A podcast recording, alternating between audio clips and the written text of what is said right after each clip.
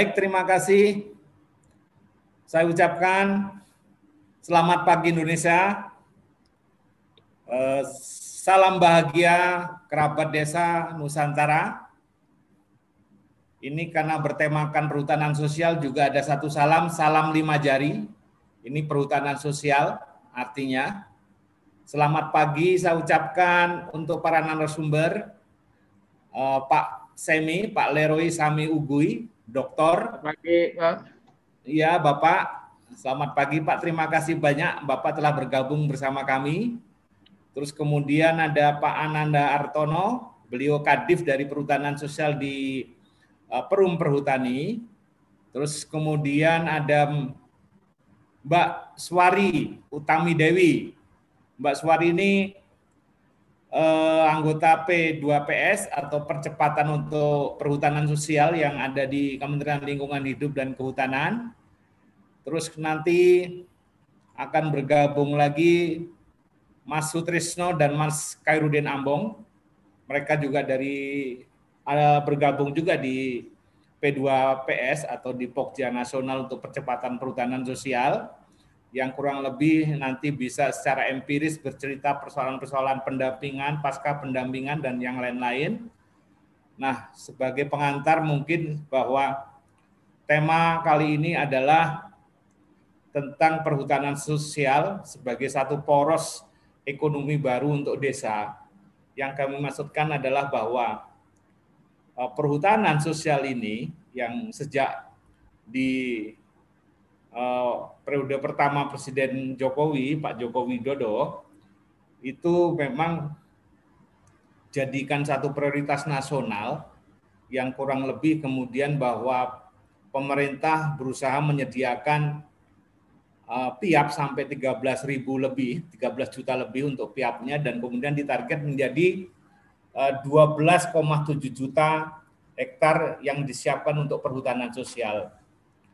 Mungkin di perhutanan sosial ada lima aspek menyangkut hutan desa, hutan kemasyarakatan, hutan adat, kemitraan lingkungan, eh, kemitraan kehutanan dan juga IPAPS. Nah,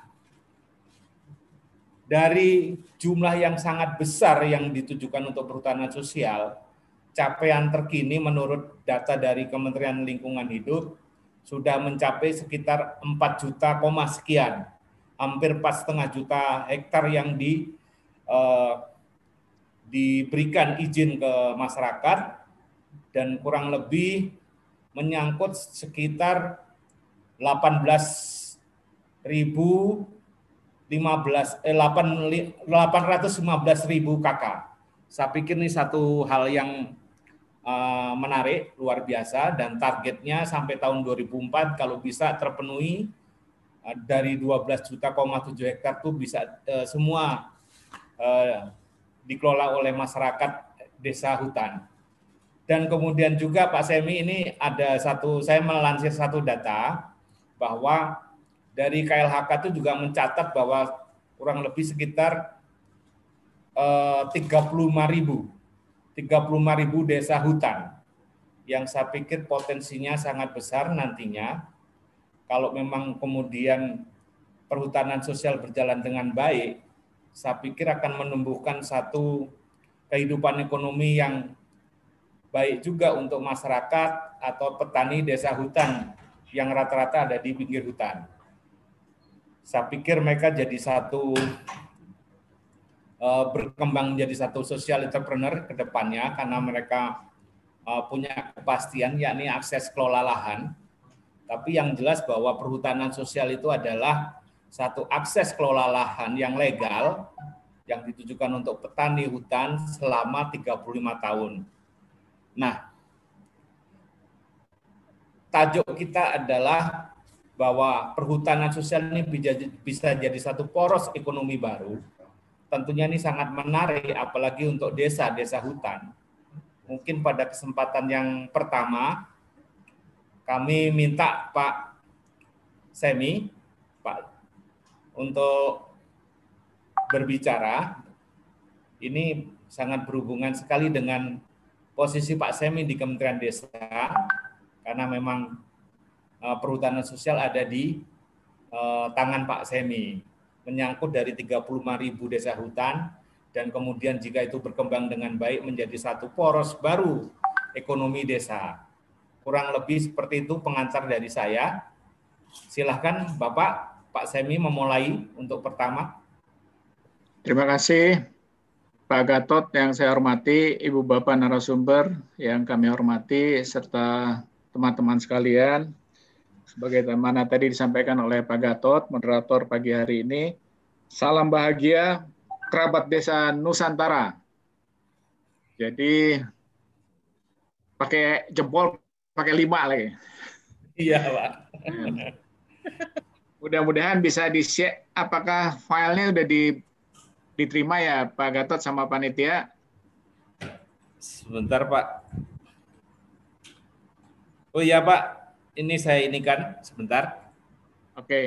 Sudah saya terima. Share karena kalau dari saya kadangkala kurang kuat ya. ininya apa? Sinyalnya. Ya. Jadi biasanya harus ditutup eh, videonya baru bisa di-upload gitu. Ya, Pak. Ya, sembari terus Pak, sembari Bapak ini nanti saya ini kan. Jadi ya. Ibu Bapak Saudara yang kami hormati, eh, perhutanan sosial terus-menerus jadi ya. Sesuatu yang in lah. Khususnya di paruh kedua dari kepemimpinan Pak Presiden Joko Widodo 2017-2018 lanjut ke kepemimpinan yang tahap kedua sekarang Nah, perhutanan sosial sebagai salah satu prioritas nasional yang harus kita tangani bersama-sama. Jadi sesuai dengan topik hari ini, perhutanan sosial poros baru ekonomi desa hutan. Tadi dalam pengantarnya Pak Gatot menyampaikan tidak kurang dari 30 ribu ya desa-desa yang diidentifikasi oleh KLHK sebagai desa sekitar hutan atau desa hutan itu sendiri artinya hampir lebih dari 40 persen desa-desa itu sebagai desa hutan.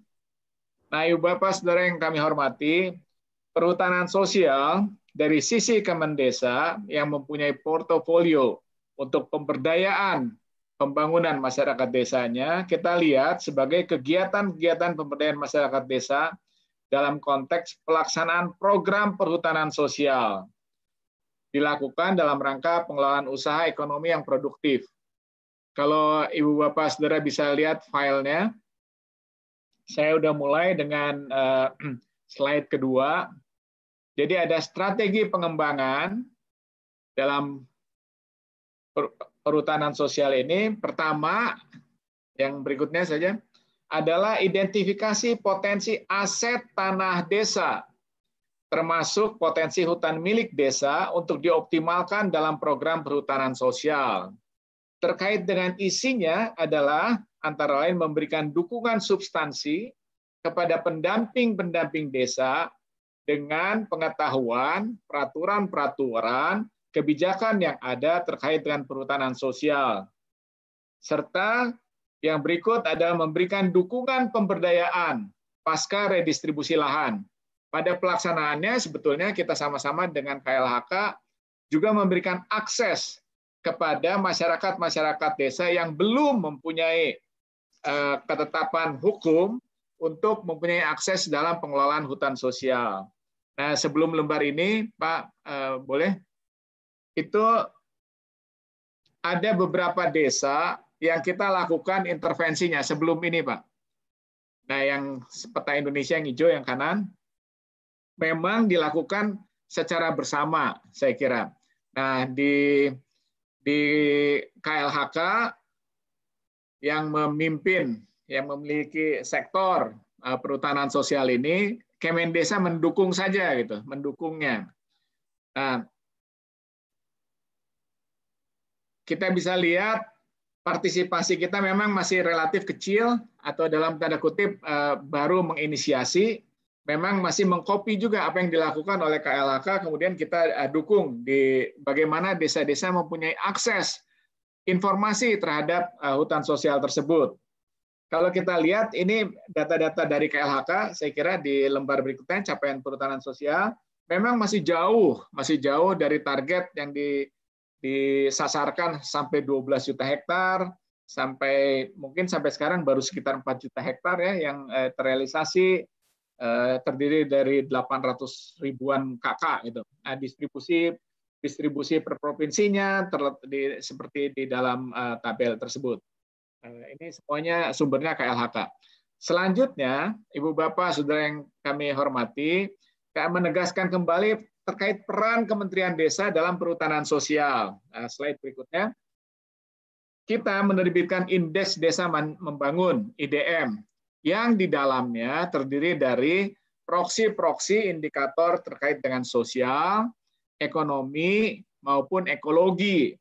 Nah, indikator-indikator, proksi indikator ekologi banyak terkait dengan lingkungan, baik kualitas lingkungannya, kebencana alaman, maupun kemampuan desa dalam tanggap bencana.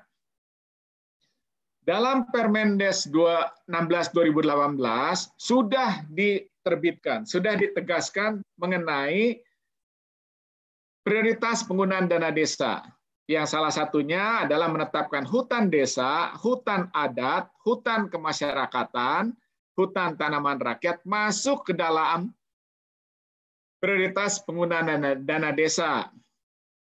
Baik 2020 dan selanjutnya. Meskipun untuk 2020 ada keterbatasan-keterbatasan sehingga terbit surat edaran Menteri Desa yang mengalokasikan sebagian besar dana desanya adalah untuk social safety net atau pembagian eh, dana tunai kepada masyarakat. Kemudian yang keduanya adalah prioritas padat karya tunai. Saya kira sebagian kegiatan perhutanan sosial bisa dilakukan juga melalui padat karya tunai, sehingga masih masuk dalam prioritas eh, prioritas utama penggunaan eh, dana desa. Selanjutnya, kita sampaikan di sini bahwa kegiatan yang kita lakukan, Kementerian Desa lakukan, antara lain adalah dukungan pemberdayaan pasca redistribusi lahan. Meskipun eh, ada tahapan-tahapan di nanti kita lihat di dalam apa bagian alir, Kemen Desa juga membantu masyarakat desa mempunyai akses sebelum eh, bahkan mendapatkan redistribusi lahan tersebut gitu. Yang kedua, memberikan dukungan substansi kepada pendamping desa terkait perhutanan sosial. Kemudian adalah mengidentifikasi potensi aset desa, termasuk potensi hutan milik desa untuk dioptimalkan dalam program perhutanan sosial. Kemudian membantu menyiapkan peraturan pendapatan pendukungnya. Eh, Ibu Bapak, Saudara yang kami hormati, kita juga merangkum slide berikutnya eh, beberapa eh, permasalahan yang sering dihadapi. Ini juga semacam rangkuman saja uh, yang sekalian mengingatkan kembali gitu di tengah-tengah masyarakat di lapangan sering kali kita temui antara lain konflik tenurial terkait dengan legislasi dan redistribusi lahan itu sendiri, pengakuan hak masyarakat atas hutan adat, terkait ekonomi, akses dan distribusi aset sumber daya hutan, nilai pendapatan dari usaha hasil hutan maupun ketenaga kerjaan, jadi permasalahan berikutnya terkait lingkungan sering terjadi desa-desa hutan mengalami kebakaran hutan, penurunan kualitas lingkungan hutan, serta peran dan partisipasi masyarakat yang kadangkala belum tentu eh, sepenuhnya mendukung. Ibu Bapak, saudara yang kami hormati, ada pendekatan lanjut berikutnya mengenai transformasi peningkatan ekonomi desa hutan yang sebetulnya dalam RPJMM 2020-2024 ditegaskan salah satu prioritas nasional terkait dengan pembangunan pemberdayaan desa adalah transformasi ekonomi di kampung-kampung atau di desa-desa. Apa yang kita lakukan?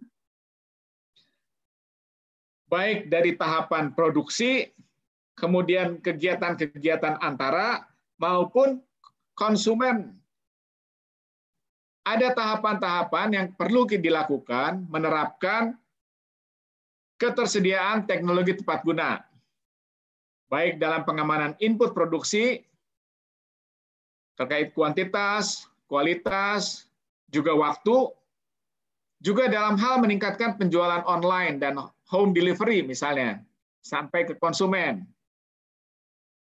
Melihat sinyal permintaan untuk menjamin pasokan kuantitas, kualitas, dan jalur pemasaran bisa dilakukan serta-merta oleh oleh para produser yang memproduksi, di mana dibutuhkan, berapa banyak, kapan dibutuhkannya, dalam istilahnya dalam waktu bersamaan.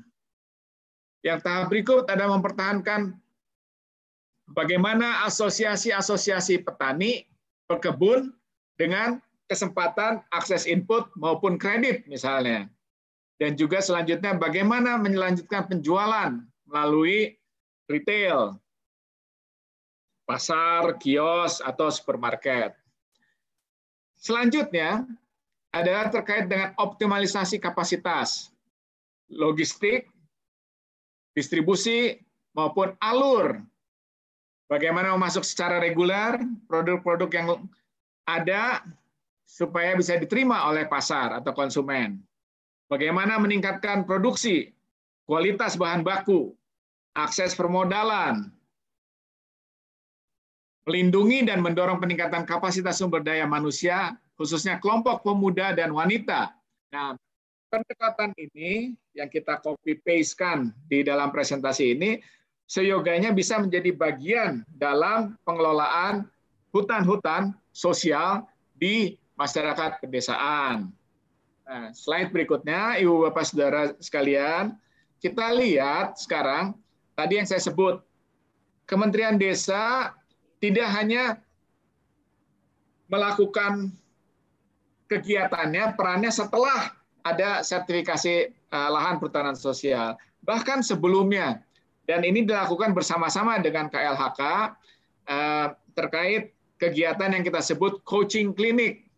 Jadi mengidentifikasi lokasi dan potensi desa, melakukan sosialisasi, pendataan lokasi kawasan hutan pangkuan desa, dilakukan bersama-sama. Biasanya ada kelompok masyarakat yang menyurati kementerian, kemudian memohon fasilitasi. Dan kita bersama-sama KLHK melakukan coaching klinik itu di beberapa provinsi, beberapa tempat. Sudah kita lakukan 2-3 tahun terakhir. Mungkin tahun ini dengan kejadian COVID-19, seluruh anggaran ditujukan ke kegiatan tersebut, sehingga kita juga tahun ini uh, uh, vakum Nah, setelah dapat sertifikasi lahan pertanahan sosial, di hilirnya kita melakukan pemberdayaan desa, antara lain melalui kegiatan yang disebut Prudes Prukades, produk unggulan desa atau produk unggulan kawasan perdesaan. Termasuk di dalamnya adalah kegiatan ekowisata. Lanjut. Apa yang dilakukan dalam Prukades atau Prudes, produk unggulan desa atau produk unggulan kawasan perdesaan? Program ini adalah pengembangan produk unggulan dilakukan untuk mendorong peningkatan pengelolaan sumber alam lokal dan lingkungan secara berkelanjutan, serta mendorong pemanfaatan teknologi tepat guna, produktivitas, dan peningkatan kapasitas kelembagaan. Kita tidak lepas dari apa yang disebut Sustainable Development Goals, pembangunan yang berkelanjutan, kita terjemahkan 17-18 eh, sasaran target SDG menjadi SDG desa. Bukan hanya lingkungannya, juga dalam penciptaan lapangan kerja, mengurangi kemiskinan, kualitas lingkungan yang makin baik, tersedianya air, semua terkait saya kira dengan kegiatan-kegiatan yang kita lakukan di uh, pedesaan. Bagaimana strategi pengembangannya? Peningkatan kesadaran masyarakat di desa dalam perencanaan desa dan pengembangan potensi unggulan, yang dapat dikembangkan serta meningkatkan efektivitas produk unggulan desa, peningkatan kapasitas dalam pengembangan prukades dan peningkatan permodalan. Oleh sebab itu penting dikenali, diketahui apa yang disebut dengan BUMDes, Badan Usaha Milik Desa.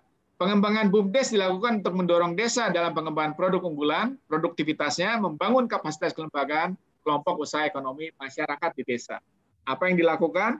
Pendampingan, dalam kerangka penguatan kelembagaan dan pengembangan kemitraan kerjasama, baik dengan lembaga ekonomi ataupun perusahaan sebagai off-taker. Langkah pertama yang dilakukan adalah dengan melakukan registrasi online BUMDes.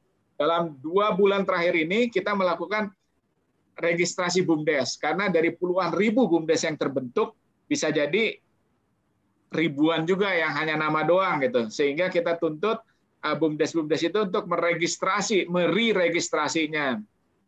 Yang kedua adalah peningkatan kapasitas. Peningkatan kapasitas masyarakat dalam pengembangan usaha dan kualitas produksi serta memanfaatkan potensi dan produk unggulan desa serta penguatan permodalan dan akses pasar. Pemberian bantuan permodalan guna menumbuhkan motivasi dalam mengembangkan usaha ekonomi di desa serta mendorong dalam perluasan akses pasar. Banyak sumbernya yang terutama bisa penyertaan modal dari dana desanya, tapi juga sekitar setahun tahun-tahun lalu sampai tiga ribuan desa eh, APBN masih mampu memberikan modal awal bagi BUMDes. Ada yang 50 juta, ada yang 200 sampai 300 juta dalam pengembangan dan juga ada 100 desa terpilih um, diberikan fasilitasi sampai satu sampai satu setengah miliar. Salah satu di antaranya adalah yang kita bersama-sama dengan KLHK juga teman-teman Pak Gatot ya yang di Garut saya kira. Ibu Bapak, Saudara yang kami hormati, mungkin di sini juga perlu kita ketahui bagaimana proses pembentukan BUMDes. Dia harus mengikuti proses perencanaan yang ada di desa melalui musyawarah desa. Kalau misalnya itu suatu kawasan, lebih dari satu desa, perlu musyawarah antar desa. Membentuk BUMDes atau BUM antar desa. Harus ada pendirian BUMDesnya organisasi pengelola BUMDes, modal usaha BUMDes, ADART BUMDes. Nah, pendamping-pendamping, pendamping-pendamping yang ada di tingkat kabupaten, sebetulnya sudah dibekali dengan kemampuan ini untuk mendampingi desa-desanya, mampu menerbitkan, mampu membuat regulasi-regulasi yang dituntut lahirnya BUMDes. Ada perumusan, perumusan kesepakatan musyawarah, pengusulan materi kesepakatan sebagai draft per desa, peraturan desa.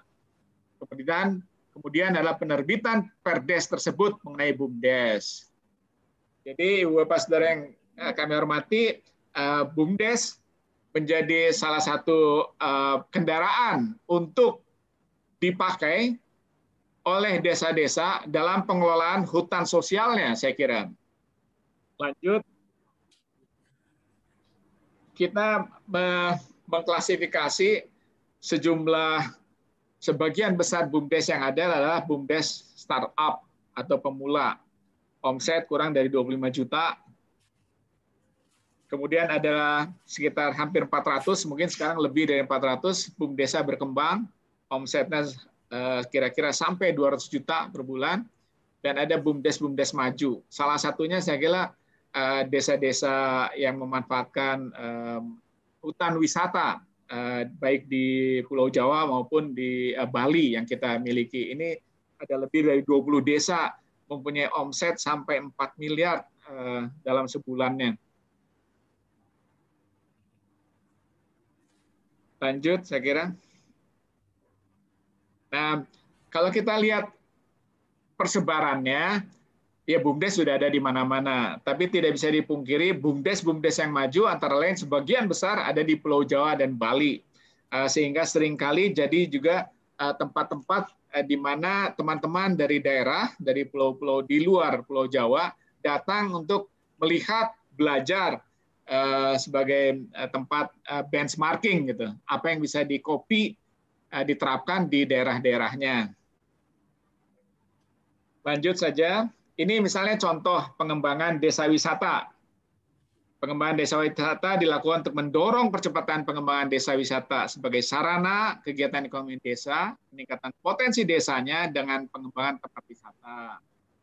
Antara lain strategi yang dilakukan adalah penguatan kapasitas organisasi pengelola desa wisatanya, mendorong potensi wisata dikelola dan dikembangkan oleh BUMDes, kemudian mendorong peningkatan kelengkapan sarana prasarana pendukung desa, melakukan piloting pembangunan sarana dan prasarana pendukung desa yang pembangunannya dilakukan secara swakelola bisa dari dana desa. Kemudian melakukan bimbingan teknis sebagai bagian dari alih teknologi, knowledge transfer, peningkatan kapasitas desa dalam pengembangan skala, pengembangan wisata dan promosi. Ibu Bapak, Saudara yang kami hormati, ada beberapa hal dalam Eh, kegiatan perhutanan sosial yang kami eh, usulkan gitu terkait dengan perencanaan pengelolaan hutan desa perlu melakukan diversifikasi hasil hutan desa. juga pengembangan teknologi pemanfaatannya, membuka akses pasar yang jelas, siapa yang dituju, membuka akses modal, permodalan banyak, kesempatan, tidak hanya terbatas dari dana desa, masyarakat juga bisa, meskipun juga sekarang pemerintah ada, meskipun kecil ya, dalam tanda kutip pemerintah APBN misalnya.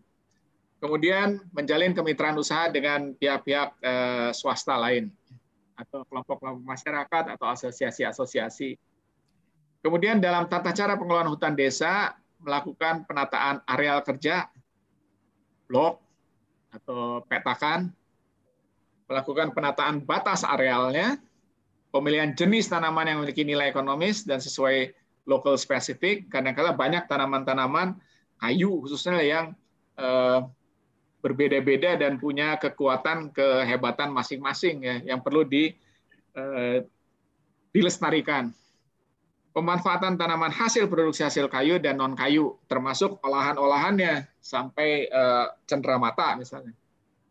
Dalam hal pemanfaatan hutan desa, pemanfaatan hasil hutan kayu dari hutan alam, pemanfaatan hasil hutan kayu dari hutan tanaman yang dibudidaya, pemanfaatan hasil hutan non kayu seperti misalnya melalui pengembangan eh, madu, rotan, getah, atau buah, buah-buah yang cocok di eh, kawasan-kawasan hutan sosial tersebut. Yang berikutnya pemanfaatan jasa lingkungan, pemanfaatan air, wisata air, ekowisata, atau untuk sebagai eh, penyerap karbon. ya. Memperhatikan pembinaan dan pengendaliannya tentunya. Peran dari masing-masing asosiasi ataupun organisasi perangkat daerahnya. Masyarakat dan masyarakat secara luas. Jadi Ibu Bapak Saudara kami hormati, semua rencana pengelolaan dan pemanfaatan hasil hutan hendaknya dituangkan dalam rencana kerja yang dituangkan dalam rencana kerja tahunan desanya. Kalau kita bisa merencanakan dalam lima tahunan, jauh lebih bagus lagi jadi masuk dalam RPJM desa, kemudian masuk rencana kerja pembangunan desanya RKP Des, sehingga APB Des tahunannya bisa menjamin kegiatan-kegiatan yang dikaitkan dengan perhutanan sosial di desa itu. Ya. Yang berikut perencanaan pengelolaan hutan desa dapat dilakukan melalui fasilitasi dinas dan KL terkait. Sudah nyata KLHK, Kemendesa, juga saya kira kayak UMKM dan kementerian lain uh, terkait uh, punya uh, peran dan akses yang baik untuk uh, pemerintah desa. Pemerintah pusat sudah mengupayakan percepatan pembangunan sektor kehutanan berbasis masyarakat secara berkelanjutan dan lestari melalui model hutan desa. Saya kira pengembangan-pengembangan dari teman-teman KLHK bisa terus di copy paste kan dan Kemen Desa sebagai penunjang khususnya terkait dengan perhutanan sosial ini sangat concern dan dengan semangat yang eh, besar bergantung anggaran yang ada sebetulnya kita terus menerus eh, bergandengan tangan hmm. mendukung kegiatan-kegiatan perhutanan sosial. Jadi perhutanan sosial sebagai poros ekonomi desa yang baru memang harus terus-menerus dibangkitkan saya kira. Ya, jadi Bapak Saudara sekalian, saya ingin akhiri di sini Terima kasih untuk waktunya. Kami kembalikan kepada Pak Gatot. Wassalamualaikum warahmatullahi wabarakatuh.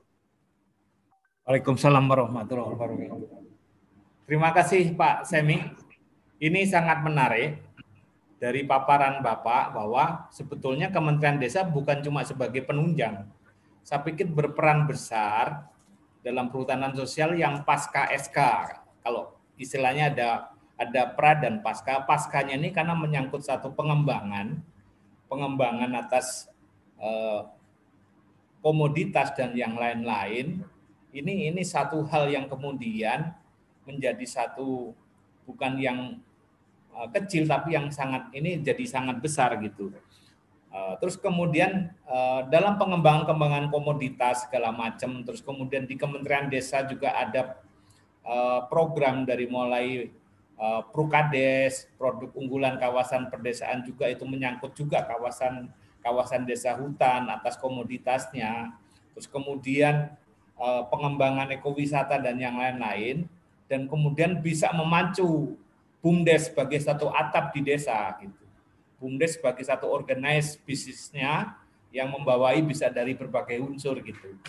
Seperti yang saya tangkap misalnya bahwa dari sisi ekowisata ada Pokdarwis, kemudian ada berbasis agronya, komoditasnya ada perhutanan sosial dan kemudian menyangkut yang lain sehingga BUMDesnya ini bisa lebih uh, bagus mengelolanya. Yang sudah muncul banyak ini dalam pendampingan teman-teman itu kan banyak eh, daerah-daerah yang berbasis perhutanan sosial yang mengembangkan agrowisata yang berbasis di agro gitu. Nah, jadi saya pikir bahwa apa yang dilakukan oleh Kemendesa bukan hal yang kecil, Pak. Justru besar karena ada satu lagi tadi menyangkut Permendes 2018 menyangkut tentang penggunaan dana desa untuk perhutanan sosial.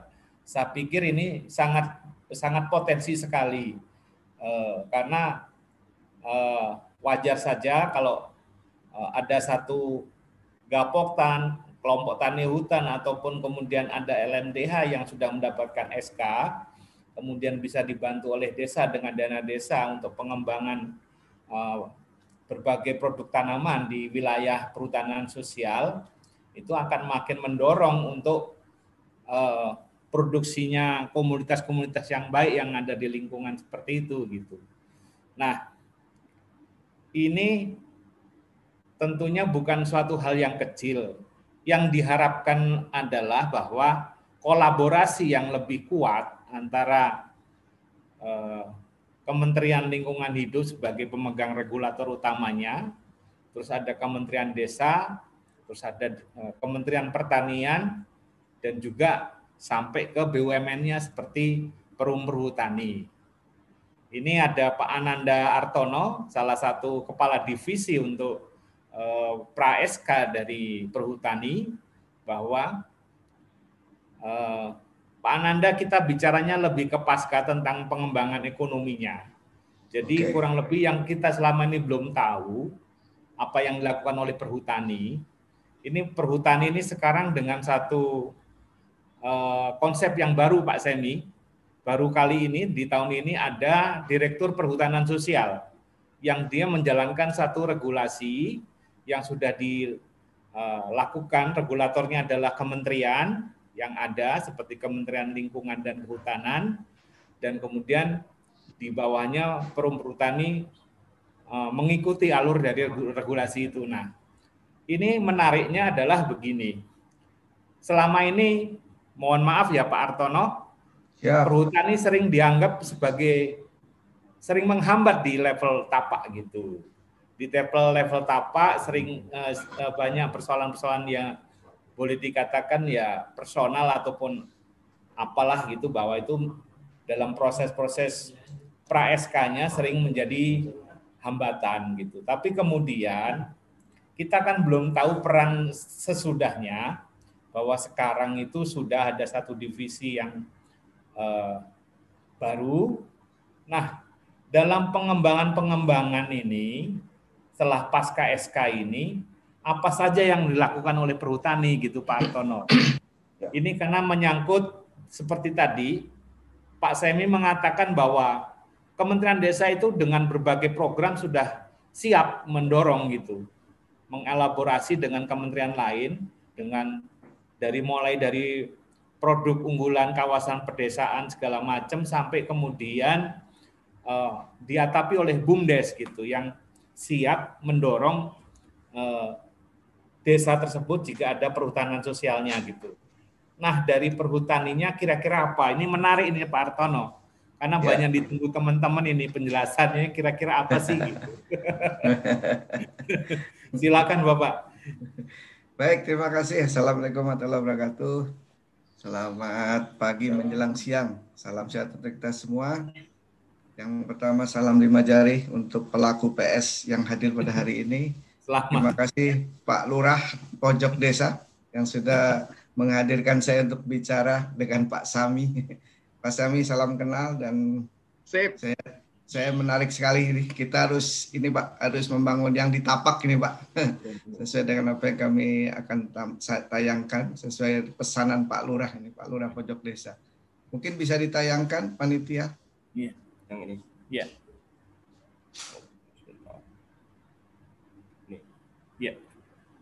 Perkembangan perhutanan sosial mungkin dapat kami informasikan untuk di Pulau Jawa khususnya di Perum Perhutanan ini kalau luasan yang kami usulkan sudah sekitar 800 ribuan hektar, ya. sedangkan yeah. sampai dengan Agustus ini yang baru terbit sekitar 508 SK atau luasnya sekitar 241 ribu. Jadi masih bertahap, ya, tapi usulan sudah cukup banyak. Mungkin kita tinggal menunggu uh, verifikasi dari Kementerian LHK, baik yang Kulin KK maupun IPAPS. Oke, langsung tayang saja uh, ada tiga hal yang ingin kami sampaikan di waktu yang terbatas ini. Mudah-mudahan bisa memuaskan para kalayak. Yang pertama tentang perencanaan partisipasi. Mungkin bisa di slide show, Pak. Ini. Ini ada tiga hal. Pertama tentang perencanaan partisipatif membangun tapak. Tapak ini adalah desa lah kurang lebih HPD kalau tadi Pak Semi sampaikan. Yang kedua kita coba fokus bisnis masyarakat desa melalui KUPS. Jadi ada kelompok usaha PS ini yang kami istilahkan sebagai fokus bisnisnya masyarakat desa. Ini yang akan juga kami coba informasikan yang menjadi strategi kami untuk mengangkat mengangkat uh, peran masyarakat desa. Dan yang ketiga nanti akan kami lihatkan kalau waktunya masih cukup adalah best practice tentang KUPS tahun 2020. Oke, uh, lanjut mungkin. Lanjut. Yang ini. Oh. Enable editing dulu mungkin Pak. Yang mana kau dulu? Enable editing dulu mungkin Pak. Terus kemudian baru slideshow.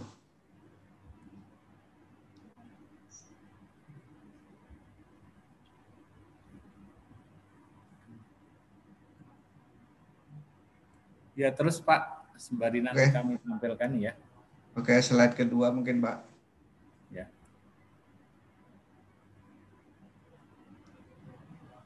Dua ini. Ya. Slide dua bisa ditampilkan. Hmm.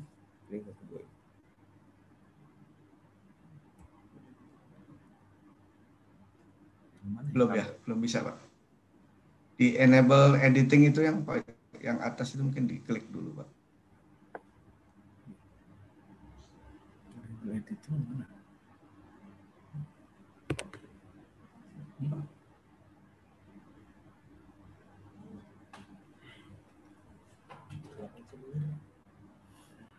Atau saya coba tampilkan dari sini? Ya, Gimana? dari ya, coba dari Bapak, sama Bapak. Oke, oke. Ya. Tolong diizin. Ya, silakan. Bapak sudah jadi co-host. Bisa langsung. Langsung, Pak. Oke, ini. Iya. Oke. Oke. Yep. Ya. Baik, uh, saya coba untuk pertama tentang perjalanan partisipatif. Jadi ini adalah kunci dalam kita membangun uh, tapak. Tapak di sini mungkin kita bayangkan adanya hutan, adanya masyarakat, itu kurang lebih seperti itu. Nah, kalau kami melihat isu tapak yang ada di lapangan ini bahwa masyarakat secara subsisten itu masih puas dengan usaha yang dilakukan saat ini belum pernah bicara tentang bisnis ke depan, bagaimana ekonomi ke depan. Ini kelihatannya yang harus kita dorong. Kemudian isu tapak yang lain mengenai kebutuhan dasar. Ini satu otokritik untuk perum perhutani bahwa memang dalam perencanaan di perhutani mungkin masih banyak di lokasi-lokasi yang belum bisa mengakomodir dalam pola tanamnya untuk mengakomodir kebutuhan-kebutuhan dasar masyarakat Contoh misalnya kebutuhan dasar untuk kebutuhan apa kayu bakar karena banyak masyarakat masih membutuhkan kayu bakar. Terus kemudian tanaman pangan untuk kebutuhan sehari-hari maupun untuk ekonominya. Nah, ini hal-hal ini belum uh, terakomodir dalam pola tanam yang dilakukan oleh Perhubungan Tani dalam kawasan hutan uh, bersama masyarakat. Kemudian akses pasar. Ini kita ketahui bahwa, bahwa ya tadi uh, yang ada di lapangan itu agent-agent pemasaran cukup banyak, mulai dari uh, penampung, terus kemudian mungkin ada pedagang besarnya di luar. Nah ini yang yang kemudian harus kita menjadi isu-isu tapak yang harus kita jadikan apa ya untuk melakukan transformasi lah transformasi di tapak. Analisa dampaknya adalah ya kehilangan tegakan atau pencurian atau kerusakan hutan masih ada, konflik of interestnya masih ada. Terus tadi yang disinggung oleh Pak Gatot atau Pak Lurah pojok desa ini seperti peran perhutani di tapak yang masih ada yang kurang baik. Ini analisa ini sebenarnya adalah dampak dampak-dampak yang mas yang harus kita perbaiki bersama. Dan kami dari Direktorat Perhutanan Sosial khususnya di uh, divisi pengembangan PS ini yang kami pimpin di Perum Perhutani, kami melakukan tiga hal tentang perbaikan tata kelola. Satu tata kelola kelompok PS atau KPS jadi kami coba melakukan pendampingan, kemudian melakukan peningkatan kapasitas, kami melakukan benchmarking, terus penyusunan ADAR, ADART ini supaya tidak ada konflik-konflik di dalam kelompok. Kemudian kita melakukan kedua adalah perbaikan tata kelola KUPS-nya, kelompok usahanya. Bagaimana KUPS yang ada ini bisa tumbuh. Dan yang ketiga adalah eh, tata kelola hutannya perbaikan tata kelola hutan ini yang kami sampaikan tadi adalah mengenai perencanaan partisipatif tadi, yaitu pola tanam. Seperti di gambar di, di samping itu, bagaimana kita coba menggambarkan bahwa pola tanam itu harus fleksibel. Harus fleksibel dan ini harus dipahami oleh para pihak, yaitu berhutani dengan masyarakat yang bermitra. Pola tanam ini yang ada di perum berhutani ada model baris, pelong-pelongan maupun klaster Contoh pada saat kami mengembangkan biomas, biomas tanaman energi baru terbarukan, itu daya tolaknya cukup tinggi dari masyarakat. Kenapa? Karena dalam desain kami dengan klaster 30-70 persen, 30 untuk tanaman semusim, 70 persen untuk tanaman uh, biomas ini uh, daya tolaknya masyarakat cukup tinggi. Tapi setelah kita lakukan sosialisasi bersama, kita berikan pemahaman di mana di situ ada sharing bagi hasil dan lain-lain dan peran masyarakat di dalam uh, untuk hutan sebagai sumber kehidupan itu masih ada masyarakat masih bisa menanam tanaman jagungnya. Nah ini yang yang harus uh, yang kemudian dengan sosialisasi ini menjadi diterima. Kemudian model pelong-pelongan seperti yang digambar di bawah ini ya ada di kayu putih ya ini ada tanaman semusim padi, kemudian kacang-kacangan, mungkin jagung. Ini semua semua sebenarnya bisa. Uh, jadi dalam pengelolaan tapak dengan perencanaan partisipatif ini yang kami tekankan kepada teman di lapangan itu adalah bisa. Jadi kita harus bisa menjawab pertanyaan masyarakat inginnya apa. Ini yang sedang kami lakukan transformasi di tingkat tapak dengan perencanaan partisipatif tersebut agar mereka welcome. Jadi perencanaan itu harus adaptif, harus bisa melihat perkembangan di masa yang saat ini dan ke depan, kebutuhan masyarakat apa yang ada di sana, termasuk kebutuhan masyarakat di sini adalah kebutuhan para pembisnis. Bahwa di desa, tadi Pak saya menyampaikan ada dokumen rencana pembangunan desa. Oke, itu mungkin banyaknya di infrastruktur.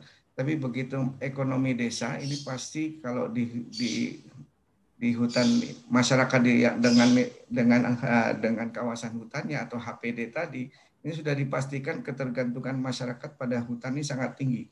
Tinggal ekonomi desa ini yang kemudian menjadi PR kita bersama bagaimana disinergikan bahwa ada off taker off taker di desa seperti apa pengepul jagung, pengepul padi atau pengusaha jagung, pengusaha angkutan dan lain-lain ini banyak sekali.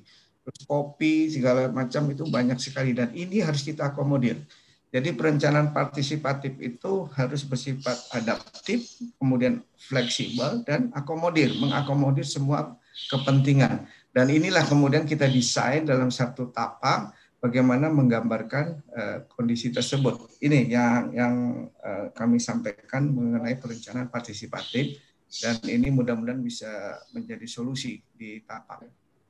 Yang kedua mengenai fokus bisnis masyarakat desa melalui KUPS. Ini juga satu kebijakan dari KLHK bahwa BUPSA, Bina Usaha Perhutanan Sosial dan Hutan Adat ini telah menetapkan bahwa kelompok-kelompok usaha itu mempunyai kelas. Ada kelas blue, silver, gold, dan platinum. Semua harus mengarah kepada platinum. Ini menjadi uh, satu komitmen kami di Pelum Perhutani uh, untuk bagaimana me, apa, masyarakat itu menjadi lebih fokus dalam bisnis masyarakatnya dengan adanya kelompok-kelompok usaha tersebut. Contohnya untuk platinum. Platinum ini persyaratannya adalah sudah ditetapkan KUPS. Kemudian potensi usahanya sudah teridentifikasi, misalnya kopi, jagung, padi, atau tebu, ini semua ada. Kemudian sudah mempunyai rencana kerja usaha, RKU, kemitraan maupun RPH, rencana pemanfaatan hutan ini sudah punya. Jadi yang jangka 10 tahunnya sudah dimiliki yaitu RPH dan RKU. Kemudian unit usahanya juga sudah terbentuk, kemudian sudah melakukan proses tengah atau pengolahan, jadi ada proses hulu, tengah, dan hilir. Nah ini sudah dilakukan. Kemudian sudah memiliki akses modal. Akses modal yang mandiri ataupun bantuan pinjaman. Ini no problem. Ini, ini yang proses platinum. Dan kemudian sudah mempunyai pasar. Pasar lokal dan sudah mempunyai juga pasar wisatawan regional untuk wisata. Nah ini ini sebenarnya cita-cita luhur dari uh, KUPS tersebut sehingga ini yang harus kita lakukan pendampingan bersama uh, untuk menjadikan masyarakat desa itu lebih fokus dalam usahanya, tidak puas dengan usaha yang saat ini dilakukan. Biasanya kan masyarakat desa sederhana saja bahwa hari ini bisa makan dan besok sudah punya tabungan di uh, ini tabungan pangannya. Ya, tapi ini harus kita geser kepada Eh, bentuk usaha-usaha produktif lainnya dan ekonominya pun harus tumbuh. Dapat kami sampaikan bahwa kami menetapkan roadmap klasifikasi KUPS trend uh, tahun 2020 ini mungkin dengan kondisi COVID dan 2021 ini kami coba tumbuh dari yang platinumnya hanya satu menjadi 30 kami harapkan di tahun 2021 dan kami sudah berproses uh, dengan pendampingan dengan bersama BUPSA juga ter, dengan Pokja TP2PS ini juga kami selalu melakukan kegiatan secara kolaborasi untuk mendampingi masyarakat dalam pengembangan KUPS-nya itu sendiri. Jadi Blue, Silver, Gold, Platinum. Kalau Blue saya pikir ini hanya tinggal pendaftaran saja. Memang dari 5.307 eh, LMDH yang ada di yang tercatat di kawasan hutan Pelung Perhutani ini memang belum semuanya membentuk KOPS atau sudah membentuk KOPS, sudah melakukan kegiatan usaha tapi belum ditetapkan. Nah, kami uh, diskusi dengan teman-teman dari Balai PSKL bahwa KOPS itu bisa ditetapkan oleh kepala desa, bisa juga pembentukan ya, pembentukan KOPS itu bisa di kepala desa maupun oleh kepala balai PSKL. Nah, ini akan kami coba terus dan apa melakukan pengembangan KUPS ini, pengembangan usaha ini sehingga masyarakat menjadi mandiri. Ini adalah salah satu contoh bahwa kunci dari berjalannya usaha di tingkat tapak itu setelah kita melalui proses perencanaan partisipatif membangun kolaborasi apa yang akan dilakukan di dalam tapak atau di dalam hutan bersama masyarakat.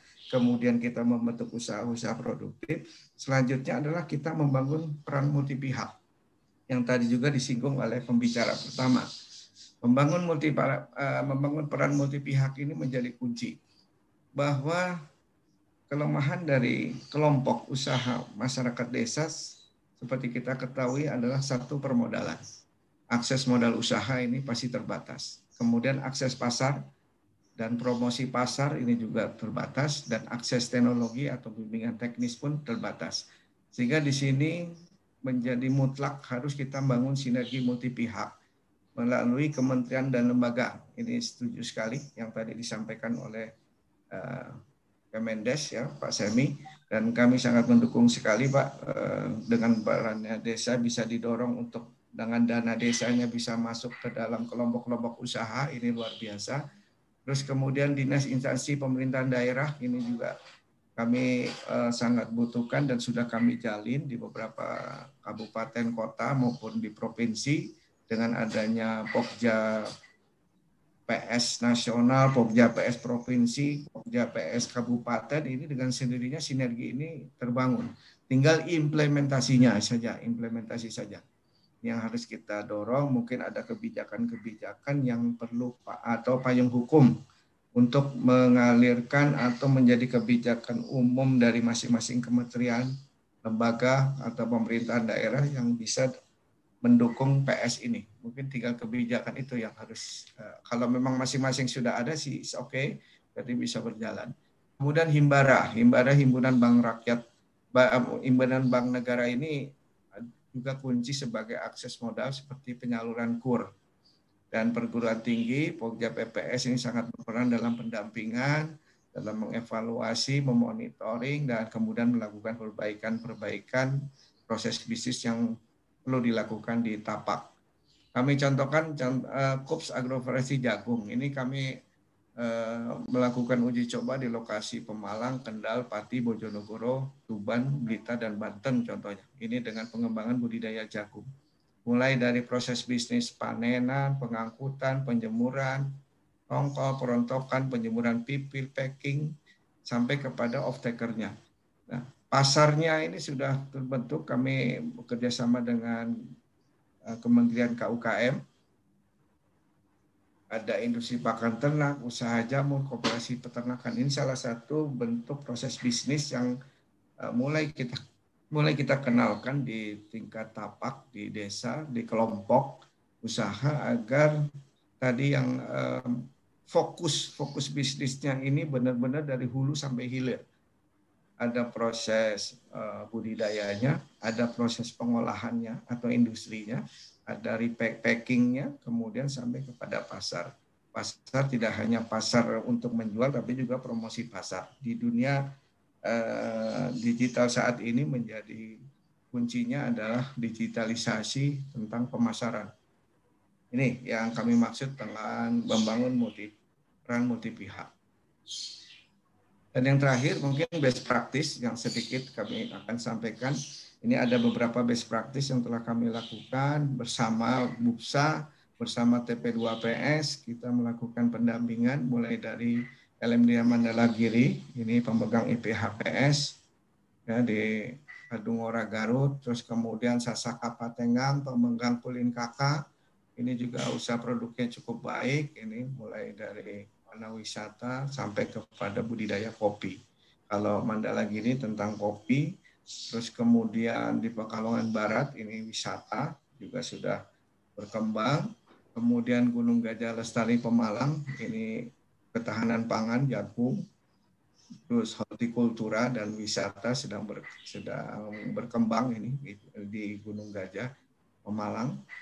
Kemudian Jember, Jember juga LMD Rengganis, ini Kulin Kakak, mungkin dia udah masuk kopsnya kategori gold.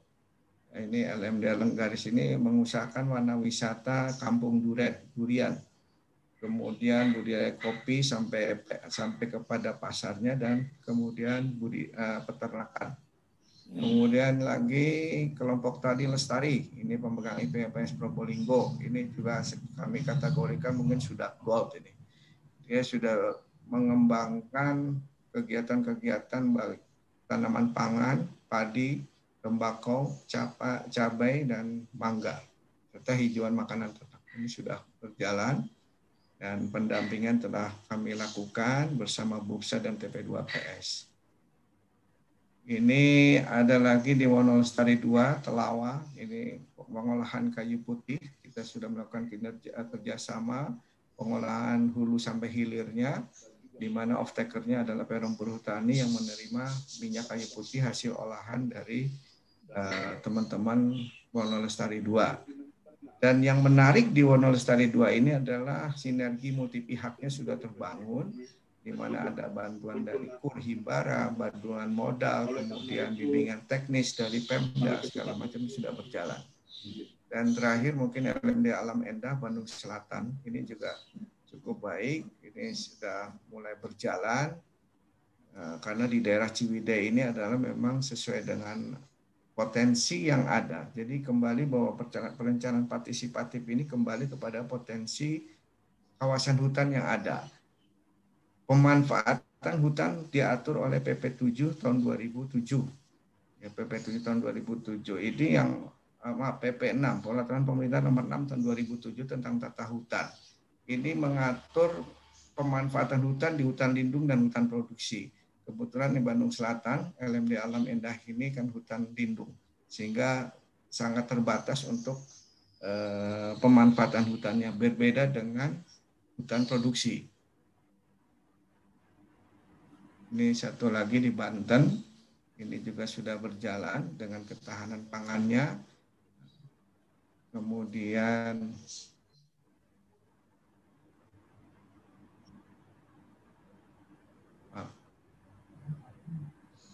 Banten sudah, kemudian Probolinggo, Tuban, ini Wonolestari yang sudah platinum ini.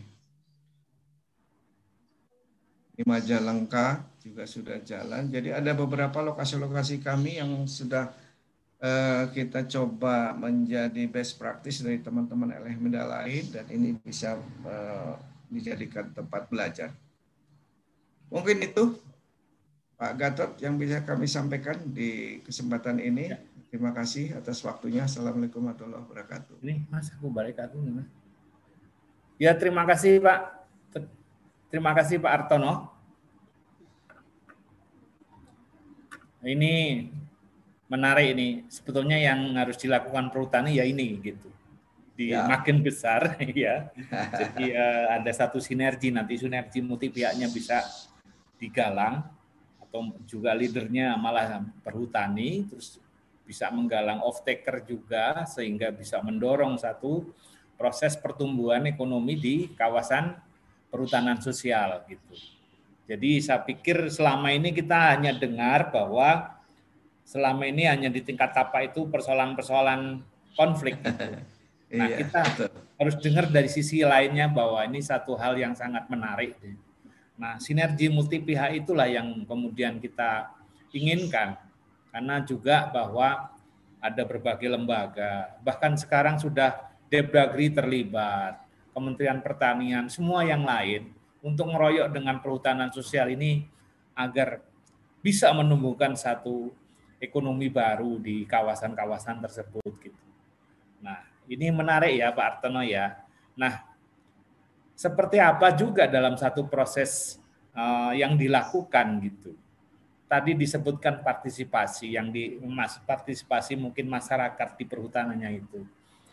Uh, barangkali saya perlu bertanya sama teman yang ada di P2PS KLHK dalam satu proses-proses uh, pendampingan mereka. Ini yang paling susah ini kan pasca SK. Pasca SK ini adalah bagaimana mendorong uh, munculnya satu social entrepreneur di lokasi-lokasi perhutanan sosial itu gitu. Terus kemudian membentuk KUPS, KUPS yang ada atau kemudian ada yang membangun koperasi, terus kemudian ada lagi yang lain, terus kemudian bagaimana uh, sinergi dengan perbankan, terus kemudian bagaimana juga dalam satu bicara dalam satu lingkup desa bersinergi dengan badan usaha desa atau BUMDes yang ada. Itu menarik karena tujuannya semuanya adalah satu, mendorong ekonomi yang ada di desa tersebut. Nah, saya mau menyambangi Mbak Suari Utami Dewi. Setelah dari tadi kita bapak-bapak semua, Mbak Suari, selamat siang. Bisa mendengar saya? Mbak Suwari. Udah kedengeran belum suara saya? Tadi ya, saya kedengaran Mbak. Nah, sudah.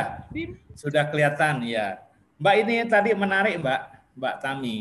Sedih, eh, jadi pertama dari Pak Semi bahwa Kementerian Desa itu ternyata bukan cuma mendukung, justru dia berperan besar karena persoalan desa ada di Kementerian Desa gitu dia punya satu roadmap yang bagus juga di Kementerian Desa. Jadi di sana ada istilahnya ada pengembangan prukades, produk unggulan kawasan pedesaan, yang mendorong juga para petani hutan yang masuk di kawasan itu. Terus kemudian ada BUMDes. Ini ini bicara pasca SK dari Perhutanan Sosial Mbak Tami. Terus kemudian dari tadi dari Pak Pak Artono, Pak Ananda Artono itu juga bicara tentang pasca SK gitu. Bagaimana sih peran perhutani yang selama ini kita belum tahu gitu. Ternyata bagus sekali, menarik sekali gitu bahwa ada satu proses juga yang dilakukan sama perhutani dengan mendorong uh, partisipasi multi pihak gitu loh.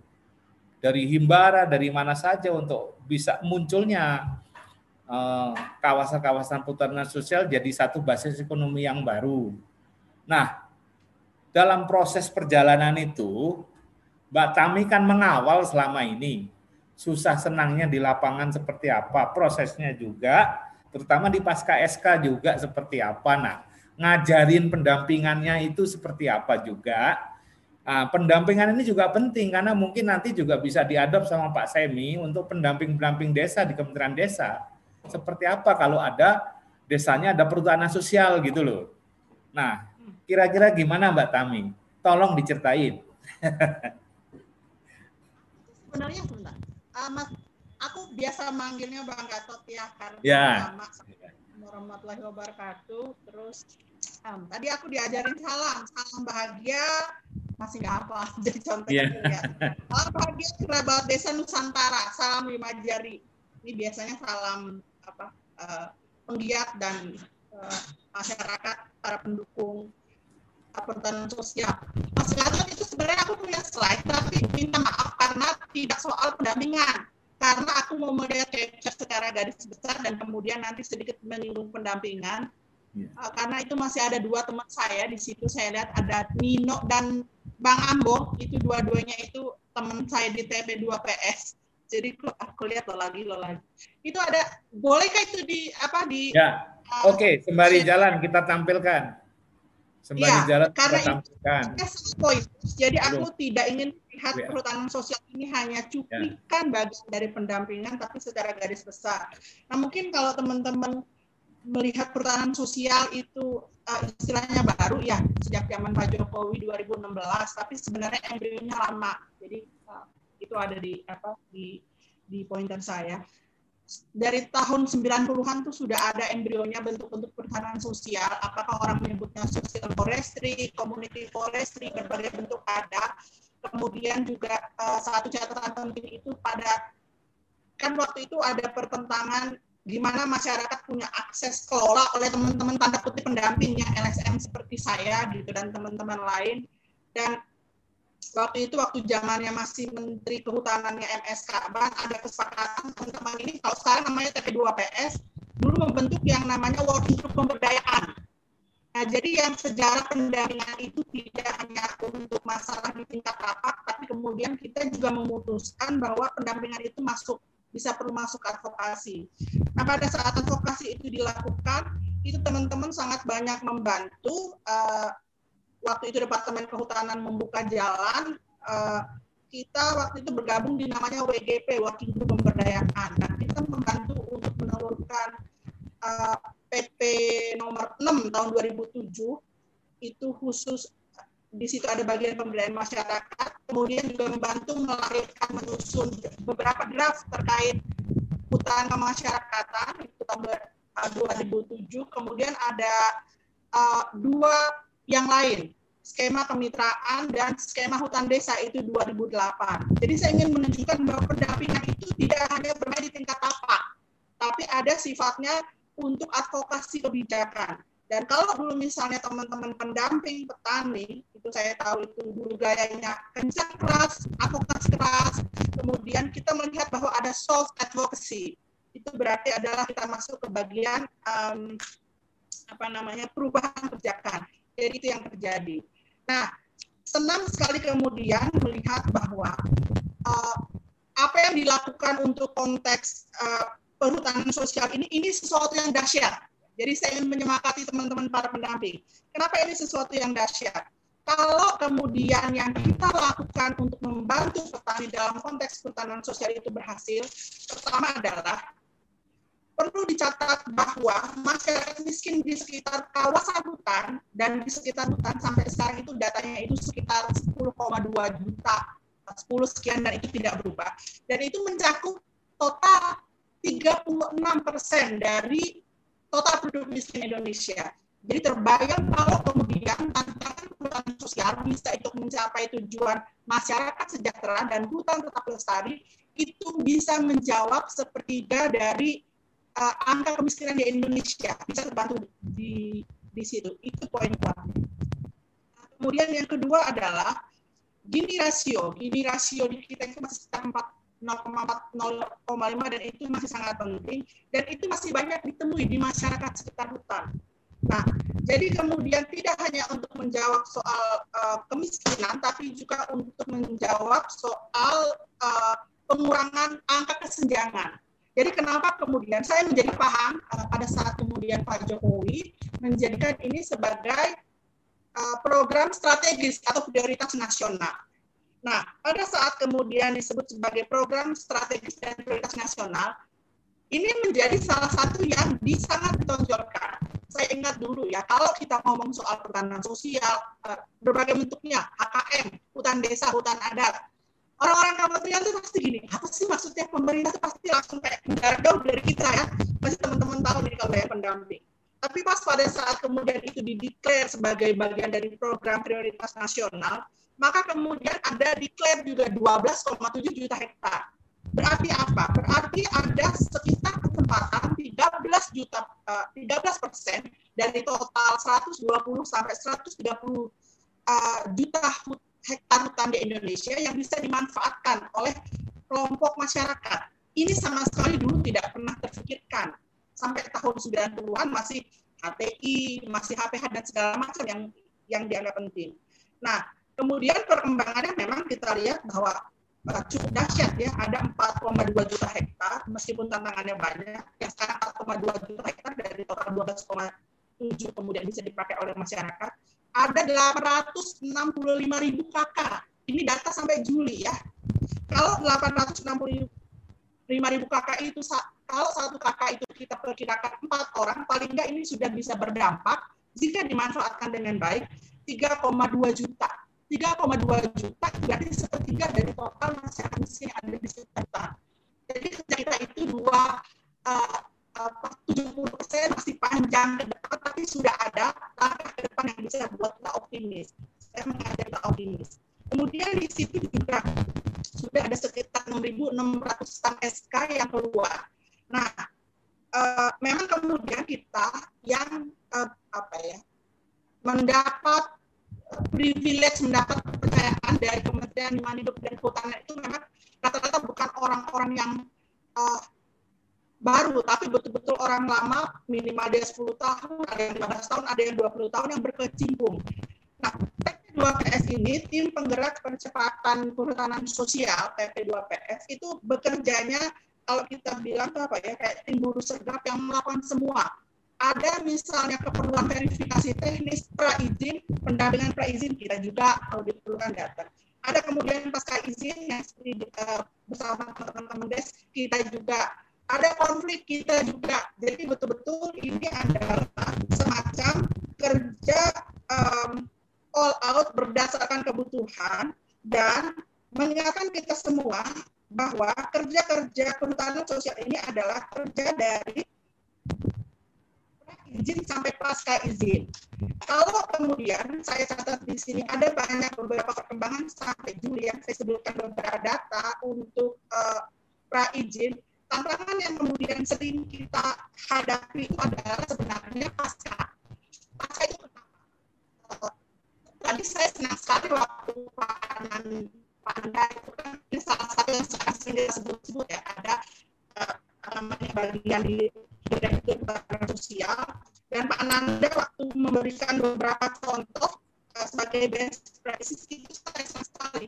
Cuma memang uh, yang menjadi warning kita semua dari catatan saya ini misalnya dari KUPS sampai Juli, eh, KUPS sampai Juli catatan saya itu ada tujuh sekitar tujuh ribu delapan yang ini masih sekitar enam puluh persen lebih dikit. Jadi yang uh, baru pada selesai di tingkat awal untuk uh, izin. Nah, tapi kemudian pengembangan KUPS tadi kelompok usaha pertahanan sosial di silver misalnya itu masih sekitar 30 persen. Kemudian gold, gold itu yang dia sudah bisa punya akses modal, sudah punya akses pasar misalnya di tingkat uh, lokal itu baru 7 persen dan platinum itu hanya satu persen. Jadi betul-betul tantangan kita ke depan itu PR-nya masih banyak dan ini pekerjaan-pekerjaan teman-teman pendamping. Nah, tapi yang kemudian membuat saya bersama teman-teman di TP2PS selalu bersemangat itu adalah karena kita melihat bahwa ada peluang, ada perkembangan juga yang membuat kita bernafas lega. Kalau dulu kita merasa terengah-engah, tim TP2PS plus LHK bekerja sendiri, beberapa tahun terakhir ini ada teman-teman dari uh, Kemendes yang bantu. Jadi saya misalnya sama Ibu Sri ini itu kita pergi untuk melakukan bukan hanya coaching klinik, tapi jarang jebol, kerja bareng jemput bola. Kerja bareng jemput bola ini eh, itu kita sudah lakukan di Lampung. Nanti Mas Bang bisa banyak cerita. Kemudian di Bulu Umbal, satunya lagi di, di Luwu Utara. Apa sebelum COVID di mana kemudian kerja-kerja pra izin sampai pasca izin itu mulai dikoordinasikan berbagai sektor, berbagai dinas terkait dari tingkat uh, kabupaten. Karena apa? Karena kita melihat bahwa kerja-kerja pertahanan sosial ini bukan kerja hanya soal pertahanan saja, bukan kerja soal kemiskinan saja, tapi banyak dukungan yang diperlukan. Karena itu kerja bareng jemput bola yang kita bilang jarang jebol itu mulai diperlukan di uh, kementerian juga. Dan uh, saya sangat senang waktu kemudian selain ada dukungan dari uh, apa namanya tadi teman-teman uh, Kementerian Desa me me mengeluarkan peraturan Menteri Desa terkait dengan penggunaan da dana desa, ada satu uh, apa ya dukungan yang nyata juga dari teman-teman Kemendagri pada saat Mendagri uh, bulan Februari 2020 mengeluarkan semacam surat edaran. Itu kalau nggak salah nomor 552 ada surat edarannya. Pertama khusus untuk gubernur, kedua khusus untuk wali kota um, agar daerah itu bisa melakukan kerja-kerja koordinasi, dukungan baik secara teknis, baik secara program maupun penganggaran. Jadi betul-betul ini dukungan yang sangat nyata untuk program pertahanan sosial. Nah, Tantangannya untuk teman-teman pendamping seperti saya di TP2PS dan teman-teman pendamping lainnya baik di tingkat rapat adalah bagaimana bisa memanfaatkan peluang ini. Catatannya adalah pertama misalnya, saya sering kali melihat teman-teman di tingkat tapak itu semangatnya masih hanya untuk fokus ke petani. Bagus itu dan itu gak masalah. Tapi juga mulai harus punya pendamping yang dia bisa seperti melakukan kerja-kerja sama para pihak. Ini yang masih kurang jadi kapasitas misalnya pendamping dia masih dianggap cukup saya dan uh, petani itu kerja pendampingan masa masa lalu. Masa sekarang di mana kemudian kerja pertahanan sosial itu adalah kerja multi pihak, maka kemudian kemampuan pendamping itu juga harus diarahkan mendorong bersama-sama petani melakukan kerja-kerja multi pihak. Ada di beberapa tempat yang kemudian sudah terlihat dengan bagus, tapi kenyataannya masih banyak yang kemudian masih tertinggal Kemudian juga untuk pendamping, kalau kemudian saya apa saya kaitkan dengan permintaannya Mas Gatot itu, pendamping ini kemudian juga harus punya semacam komitmen. Jadi saya ketemu di beberapa uh, tempat yang nggak menyebutin yang namanya, dia kemudian hanya mau sampai pra izin, pasca izin dia nggak peduli. Padahal namanya pendampingan itu kan harus ada proses semua, harus kemudian memastikan petaninya sudah siap, petaninya bagus, ada komitmen jangka panjang di situ. Tapi komitmen jangka panjang ini bukan berarti kemudian buat petani itu begitu melekat, begitu dekat dengan kita, begitu dekat, bukan. Ya bareng antara petani dengan pendamping. Kalau saya selalu mengibaratkan ini seperti kerja pendamping itu adalah kerja uh, seperti dua sisi mata Pendamping di satu sisi, petani di satu sisi. Jadi melihat. Jadi mungkin saya kira itu saja ada beberapa perkembangan, ada beberapa masih kekurangan, tapi ada beberapa peluang ke depannya. Nah, untuk selanjutnya bagaimana best practice, bagaimana kemudian pas izin di lapangan, ada dua teman saya, kalau saya kemudian kebanyakan ngomong nanti mereka tidak akan dapat apa namanya waktu dan isu untuk bercerita. Mungkin gitu aja ya Bang Gatot ya. Nanti ya. uh, kita lebih banyak fokus dalam diskusi dan saya senang Ya. sekali eh, karena di sini luar biasa. Terima kasih. Salam lima jari. Assalamualaikum warahmatullahi wabarakatuh. Waalaikumsalam warahmatullahi wabarakatuh. Mbak Cami, terima kasih banyak. Salam lima jari, salam perhutanan sosial. Nah, tadi sangat menarik. Mbak Tami bercerita dari masalah yang paling susah, konflik di pasca atau di pra-SK, terus kemudian juga berbicara yang lebih susah lagi di pasca SK, karena juga ini adalah persoalan-persoalan yang sifatnya ada transfer knowledge, ada pemahaman-pemahaman, pengetahuan bisnis dan yang lain-lain pengelolaan gitu. Nah, ini masalah-masalah pendampingan ini saya pikir juga harus bisa dilihat oleh Pak Ananda juga Pak Semi bahwa seperti apa sih proses-proses pendampingan dari teman-teman TP2PS itu yang nantinya mungkin uh, jadi satu masukan pemikiran juga dalam proses percepatan itu gitu. Nah, ini sudah ada Mas Ambong. Mas Kairidin Ambong ini melakukan satu pendampingan di Garut, juga di Bogor dan di Jawa Timur. Saya baru ketemu kemarin, ada diskusi banyak dengan beliau, juga bicara juga tentang pasca-pasca eh, pendampingan. Ini menarik nih Pak eh, Pak Ananda karena juga bisa merekam sebetulnya apa yang dibutuhkan oleh masyarakat dan desa itu gitu. Nah, salah satu eh, yang kecil itu yang terjadi di Sirnajaya bahwa di sana semua disatukan dalam BUMDes Pak.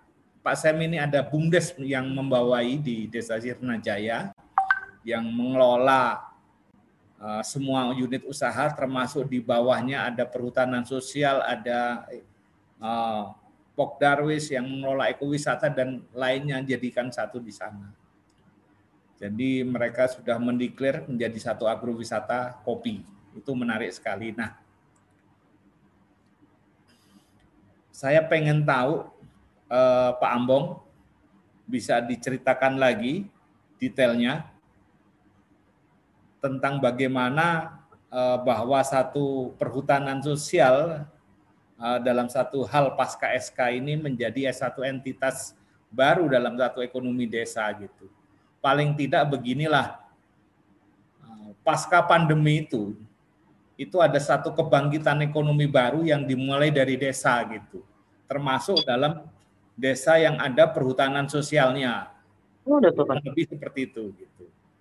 Mungkin bisa didetailkan pertanyaan saya ini. Silahkan Mas Ambong.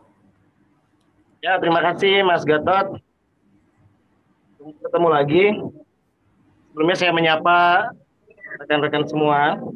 Salam bahagia kerabat desa senusantara. Salam. Eh, sebenarnya tadi udah banyak yang disampaikan ya, termasuk dengan Mbak Tami, Pak Temi, dan Pak Ananda terkait dengan eh, perhutanan sosial sebagai poros bangunan ekonomi desa hutan. Ya bicara soal desa, memang kita masih melihat masih banyak ketimpangan eh, dan ketimpangannya cukup tinggi antara desa dan kota. Kalau berdasarkan data statistik, ada sekitar desa yang perlu peningkatan infrastruktur dan uh, peningkatan ekonominya itu ada sekitar 25.863 desa. Atau sekitar 36,7 persen dari seluruh desa yang ada di kawasan hutan. Itu masih tingkat tingkat infrastruktur dan perekonomiannya masih uh, perlu ditingkatkan atau bisa dikatakan rendah lah. Sebenarnya kan uh, ini adalah sebuah terobosan baru. Ya walaupun memang seperti yang disampaikan Mbak Tami bahwa sebenarnya program hutan sosial ini sudah ada jauh sebelum-sebelumnya gitu loh. Karena memang uh, dan dan di eranya Jokowi 2014 uh, melalui nawacitanya ya, kemudian muncul perhutanan sosial melalui peraturan Menteri P83 tahun 2016 uh, dengan lima skemanya, kemudian untuk mengakomodir masyarakat desa sekitar hutan yang ada di Jawa melalui peraturan Menteri uh, Kehutanan uh, nomor 39 2017 ini menjadi sebuah peluang uh, yang itu bisa dimanfaatkan atau di ya uh, sebenarnya ini contoh presentasi ini adalah presentasi saya waktu kita mempresentasikan tentang perhutanan sosial yang didampingi oleh kawan-kawan Amisbat yang mana konsepnya adalah bagaimana uh, desa itu membangun sebuah menjadi sebuah tempat untuk membangun sebuah usaha ekonomi yang berbasiskan agroindustri. Dan di mana uh, salah satu uh, apa namanya untuk uh, penguatan kelembagaan ekonomi desanya kita memang mendorong yang namanya koperasi. Uh, jadi prosesnya kan begini bahwa uh, ketika kita bicara soal uh, pasca ya karena kalau pra kan itu uh, dinamikanya memang cukup panjang karena terkait nanti soal uh, apa namanya administrasi terus area lokasi yang harus di apa namanya di uh, diusulkan dan segala macam. Nah, kalau saya di hari ini saya fokus untuk membicarakan tentang uh, terkait dengan temanya adalah uh, bagaimana kemudian desa bisa menjadi tulang punggung pembangunan ekonomi nasional.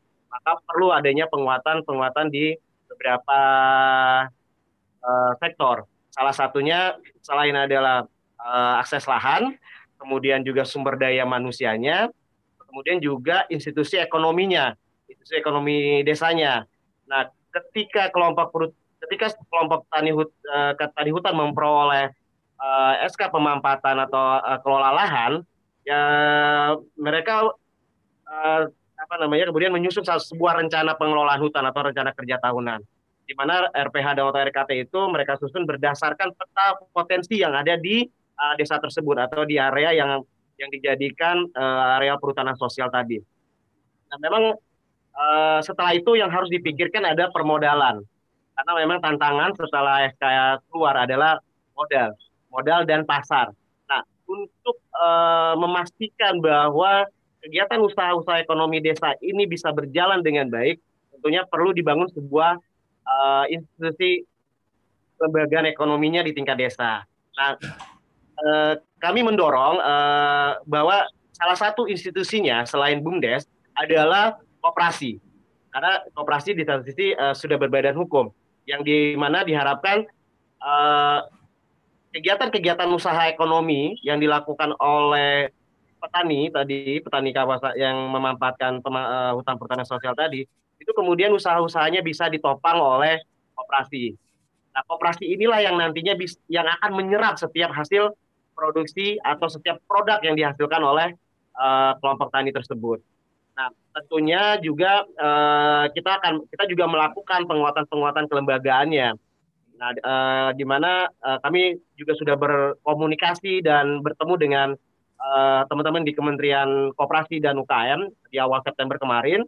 Uh, Alhamdulillah diskusi dengan Pak Rija, dengan teman-teman, dengan timnya di sana itu cukup uh, positif sekali bahwa mereka akan membantu uh, untuk memperkuat uh, apa namanya kooperasi di tingkat desa yang dibangun oleh kelompok-kelompok perhutanan sosial. Nah, dan saya juga berharap uh, bahwa Kementerian Desa juga bisa mengambil peran di sini. Walaupun tadi sudah disampaikan perannya juga sudah ada. Karena saya berpikir bahwa semakin banyak pihak yang terlibat uh, di dalam mengawal program perhutanan sosial ini, ini akan menjadi sebuah uh, apa namanya menjadi sebuah modal agar tujuan untuk meningkatkan kesejahteraan masyarakat di sekitar kawasan hutan tersebut bisa tercapai. Semakin banyak kementerian, semakin banyak lembaga keuangan, semakin banyak BUMN uh, maupun badan usaha milik swasta yang terlibat itu akan semakin uh, menjadi modal besar dan modal utamanya. Tidak hanya di Kementerian Desa tapi juga di Kementerian uh, Koperasi dan UKM, AKV, termasuk juga Kementerian Pertanian. Cuma catatan untuk Kementerian Pertanian ini kayaknya harus perlu di perlu diundang juga nih Mas Gatot. Karena yeah. masih masih perlu di apa namanya nih masih perlu dikomunikasikan nih agar uh, biar apa namanya uh, ada kesinambungan lah, ada sinergitas lah. Kalau Kementerian Kemendes, Kementerian Koperasi ini kan sudah mulai erat nih, artinya uh, kerja-kerja untuk memperkuat uh, program perhutanan sosial ini juga sudah semakin bagus, baik di tingkat regulasi maupun di pelaksananya di lapangan. Nah, uh, saya juga sedikit cerita pengalaman uh, ini yang terbaru aja saya uh, bahwa kemarin itu hari Sabtu dan Minggu kita coba uh, memfasilitasi usulan yang ada di kelompok LMDH Karya Alam Mandiri itu di Desa Sirnajaya, uh, Sukamakmur. Uh, kepala desanya sangat proaktif, uh, dia didukung oleh tenaga uh, apa namanya uh, sekretaris desa dan teman-teman di LMDH-nya uh, untuk mengajukan program perhutanan sosial dengan skema kemitraan kehutanan. Nah, kita mendorong percepatan itu pada uh, pada kunjungan yang kemarin ketika kita bertanya ke mereka apakah karena mereka sudah karena desa desanya sudah sangat bagus pengelolaannya melalui bumdes. Uh, jadi di situ ada kegiatan ekowisatanya, ada agro kopinya dan segala macam. Sehingga bagaimana kemudian LMDH ini melalui program perhutanan sosial bisa dilegalkan. Karena kalau sudah apa ketika mereka mendapat legalitas uh, LMDH-nya ini kan semakin mempermudah atau bisa memperkuat Eh, kegiatan-kegiatan usaha ekonomi mereka khususnya di sektor agroforestry-nya di mana mereka menanam tanaman utamanya adalah kopi, kemudian ada alpukat dan satunya lagi itu apel gitu Ini sangat bagus.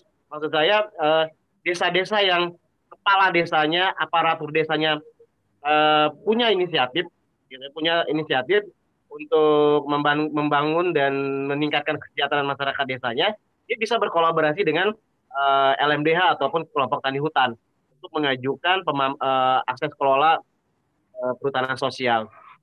Dan kami juga uh, berkomunikasi dan berkoordinasi dengan langsung dengan apa kepala apa namanya KPHDM-nya uh, Pak Rusli, ADM KPH Garut Pak Rusli, terus dengan teman-teman perhutani lainnya ya Pak Aspernya Pak Desumas.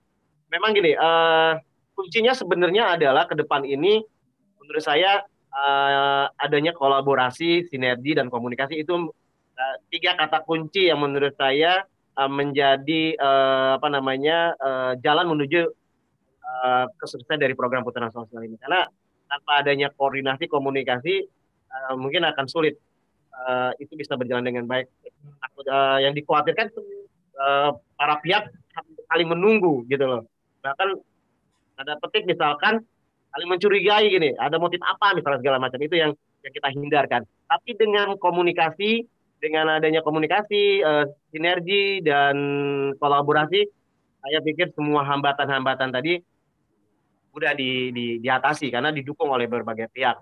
Seperti yang tadi Mbak Tami kan sampaikan, yang contoh di di Lampung ya di Kabupaten Pesawaran, uh, di mana bupatinya itu langsung turun tangan untuk memfasilitasi percepatan perhutanan sosial di di wilayahnya. Nah, ini suatu langkah yang positif dan saya berharap baik uh, di level gubernur, bupati seluruh Indonesia atau ya. yang mempunyai potensi untuk dikembangkan program perhutanan sosial kalau melakukan hal yang seperti itu yang seperti dilakukan oleh di beberapa tempat baik di Bulukumba maupun di Kabupaten Pesawaran itu sangat membantu sekali sehingga yang namanya untuk mengatasi kemiskinan di desa itu mudah-mudahan bisa di ke depannya bisa dikurangi gitu atau di, semakin semakin menurun lah tingkat miskinannya karena memang uh, ya kita sadari bahwa timpangan miskin miskin desa dan kota masih cukup tinggi. Mungkin itu aja yang bisa saya sampaikan. Selebihnya kita diskusi saja karena masih ada lagi Mas Nino ya. dan waktu cuma 15 menit. Ya. Uh, akan lebih baik saya pikir kita berdiskusi untuk mengelaborasi uh, perhutanan sosial sebagai poros dan ekonomi desa. Itu aja Mas Gatot. Terima kasih. Ya. Ya, terima kasih Pak Khairuddin Ambong. Ini uh, testimoninya menarik karena MPD sekali ya dari Pak Ambong ini. Ini satu pengalaman di lapangan, pengalaman berproses karena itu uh, dimulai dari satu proses pendampingan hingga pasca. Nah, saya minta Mas Nino terakhir, Mas Sutrisno, ini baru pulang dan merekam dari Jawa Tengah, dari Gambuhan, tentang satu proses juga, proses-proses pasca SK yang berelaborasi dengan desa. Terakhir sempat saya temui Pak Nino mengantarkan kepala desa Guci dengan ketua BPD, dengan uh, ketua BUMDes, dengan ketua kelompok tani hutan jadi satu mereka mengajukan perhutanan sosial. Jadi saya pikir satu luar biasa Eh, kolaborasi pejabat desa yang memperjuangkan soal itu bersama-sama. Jadi karena mereka mengerti bahwa ini satu potensi ekonomi dari kawasan perhutanan sosial menjadikan satu uh, eh, PAD yang menarik nanti untuk desanya. Jadi mereka memperjuangkannya bersama. Pak Nino bisa mendengar saya? Kita sembari menunggu Pak Nino. Ini saya coba baca bahwa ada pertanyaan-pertanyaan juga nanti yang bisa direkam. Ini di arahnya nih untuk Pak Ananda Artono nih kelihatannya yang pertanyaan dari YouTube nih. Ya. Uh, suara saya sudah masuk? Nah, sudah, sudah. Mas Nino. Oke. Okay. Ya, Tadi saya sengaja bagus. mute biar ini, uh, ya. biar menyimak. ya. Oke, okay, Mas uh, Mas Tresno. Uh, ya. Aku terima minta kasih, 10 menit lah untuk sebelum kita masuk ke tanya jawab. Uh, betul, betul. Uh, tadi dari depan sampai ke belakang, dari mulai dari Pak Semi sampai kemudian Mas Ambong, uh, ada satu hal yang bisa ditarik garis merah benang merahnya adalah bahwa ini poros baru ekonomi desa dari perhutanan sosial itu gitu. Dan ya dan mungkin juga untuk pasca pandemi ini ya satu uh, salah satu aspek juga untuk kebangkitan ekonomi desa gitu. Nah, ya. monggo Mas Nino langsung ya, terima kasih ya uh, Pak Lurah pojok desa ya. Mungkin uh, pertama saya ucapkan salam bahagia kerabat desa se Nusantara ya. dan salam perhutanan sosial. Uh, Alhamdulillah, terima kasih buat kesempatannya. Uh, Om Gatot. Saya manggilnya Om, kadang-kadang Mas, kadang-kadang apa namanya, apa pun lah ya kita. Kadang-kadang kita ngobrol ngopi. Dan terima kasih apa atas kesempatan ini buat uh, Pak Semi, Pak Ananda yang selalu, Mbak Tami, Mas Ambong dan semua teman-teman yang kita ini kerja bareng. Uh, benar kata Mbak Tami, yang namanya TP2PS sudah menjadi komitmen buat kami juga, artinya mendorong di setiap lini. Nah, kebetulan saya juga baru aja datang dari uh, salah satu desa model yang didorong oleh KLHK dari tujuh desa yang tadi sudah disampaikan Pak Ananda. Ini pengen didorong bagaimana peran si desa itu. Nah, dari kebijakan-kebijakan yang tadi dikemukakan oleh beberapa pembicara ada ada satu uh, apa namanya ya uh, tugas yang yang yang wajib di wajib kita dorong terus adalah bagaimana membuat setiap kebijakan ini setiap cita-cita kalau saya bilang itu jadi nyambung satu sama lain. Jadi nggak cuma bahasan di tingkatan uh, kementerian dan segala macam. Karena tugas yang paling berat itu kan uh, ini menyatukan semua lini. Nah itu itu kemarin yang eh, apa saya sedikit cerita prosesnya itu di tujuh model eh, perhutanan sosial di Jawa ini khususnya itu bagaimana kami mencoba mendorong peran dari OPD atau pemerintah daerahnya sendiri mengambil peran. Jadi nanti misalkan eh, kalau kemarin di Gambuhan di eh, Pekalo, KPH Pekalongan Barat ya Pak Ananda ya itu Pemda-Pemda Pemalangnya itu uh, memasukkan program perhutanan sosial ke dalam prioritas pembangunan daerah.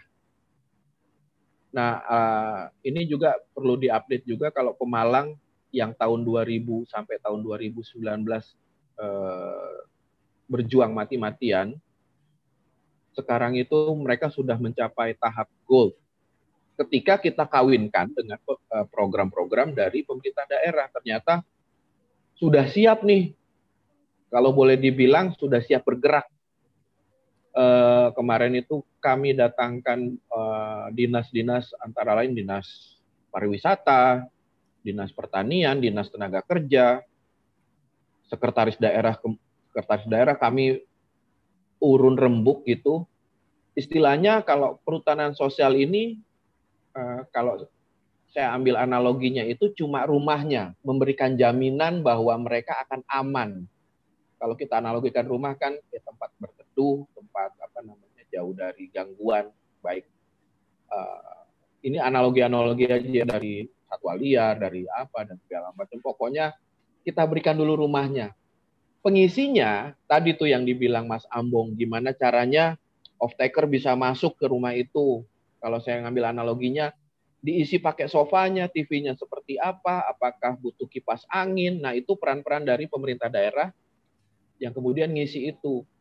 Alhamdulillah kemarin eh, kami bisa memperoleh beberapa kesepakatan di, di Pemalang dan juga di beberapa yang tadi dibilang di Guci juga dari Pemalang ke Guci itu kurang lebih 15 menit jadi saya mampir juga ke Guci buat ngelihat perkembangan dan saya apresiasi banget keinginan tadi tuh bisa nyatuin antara BUMDes, LMDH, KTH, BPD dan kemudian ini didukung oleh kepala desa karena selama ini agak kurang sinkron. Masih bingung di tingkatan tapak itu peran saya apa ya gitu.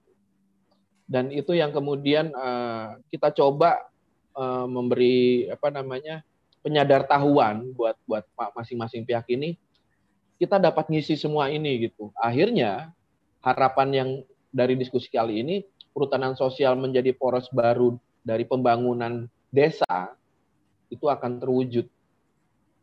Uh, apa ya kesulitannya itu kan tadi membahasakan atau membumikan kebijakan-kebijakan yang sudah disusun oleh uh, tujuh kementerian yang sekarang uh, mau ngeroyok perhutanan sosial ini ke tingkatan masyarakat desa kadang-kadang yang saya temui penyuluh kehutanan cuma bekerja sesuai apa namanya eh, juklak juknisnya. Nggak nggak akan ketemu sama perannya itu sama LMDH kadang-kadang berkelahi juga di, di tingkatan bawah. Padahal kalau kita satuin ini oh iya ya ternyata tugas kita sama. Kita kan sebenarnya pengen ngebangun desa. Kenapa nggak bisa jalan bareng? Itu yang apa namanya pemahaman-pemahaman seperti itu yang boleh dibilang kita nggak boleh bosen buat memberi tahukan itu ke teman-teman eh, apa namanya di desa itu sendiri. Sehingga nanti kan nggak ada lagi tuh KTH nggak diketahui sama kepala desa LMDH-nya juga.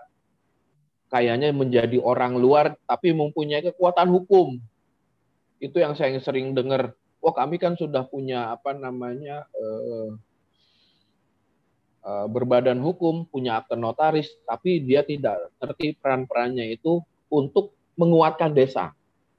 Nah ini ini uh, tadi tuh di tingkatan uh, apa organ-organ desanya itu sendiri iya, kemudian kita naikkan lagi karena terus terang uh, kesulitan dari Kementerian LHK ini kan tingkat tanggung jawabnya cuma berhenti sampai provinsi nuruninnya itu ke kabupaten kemudian menjadi program prioritas daerahnya juga seperti apa.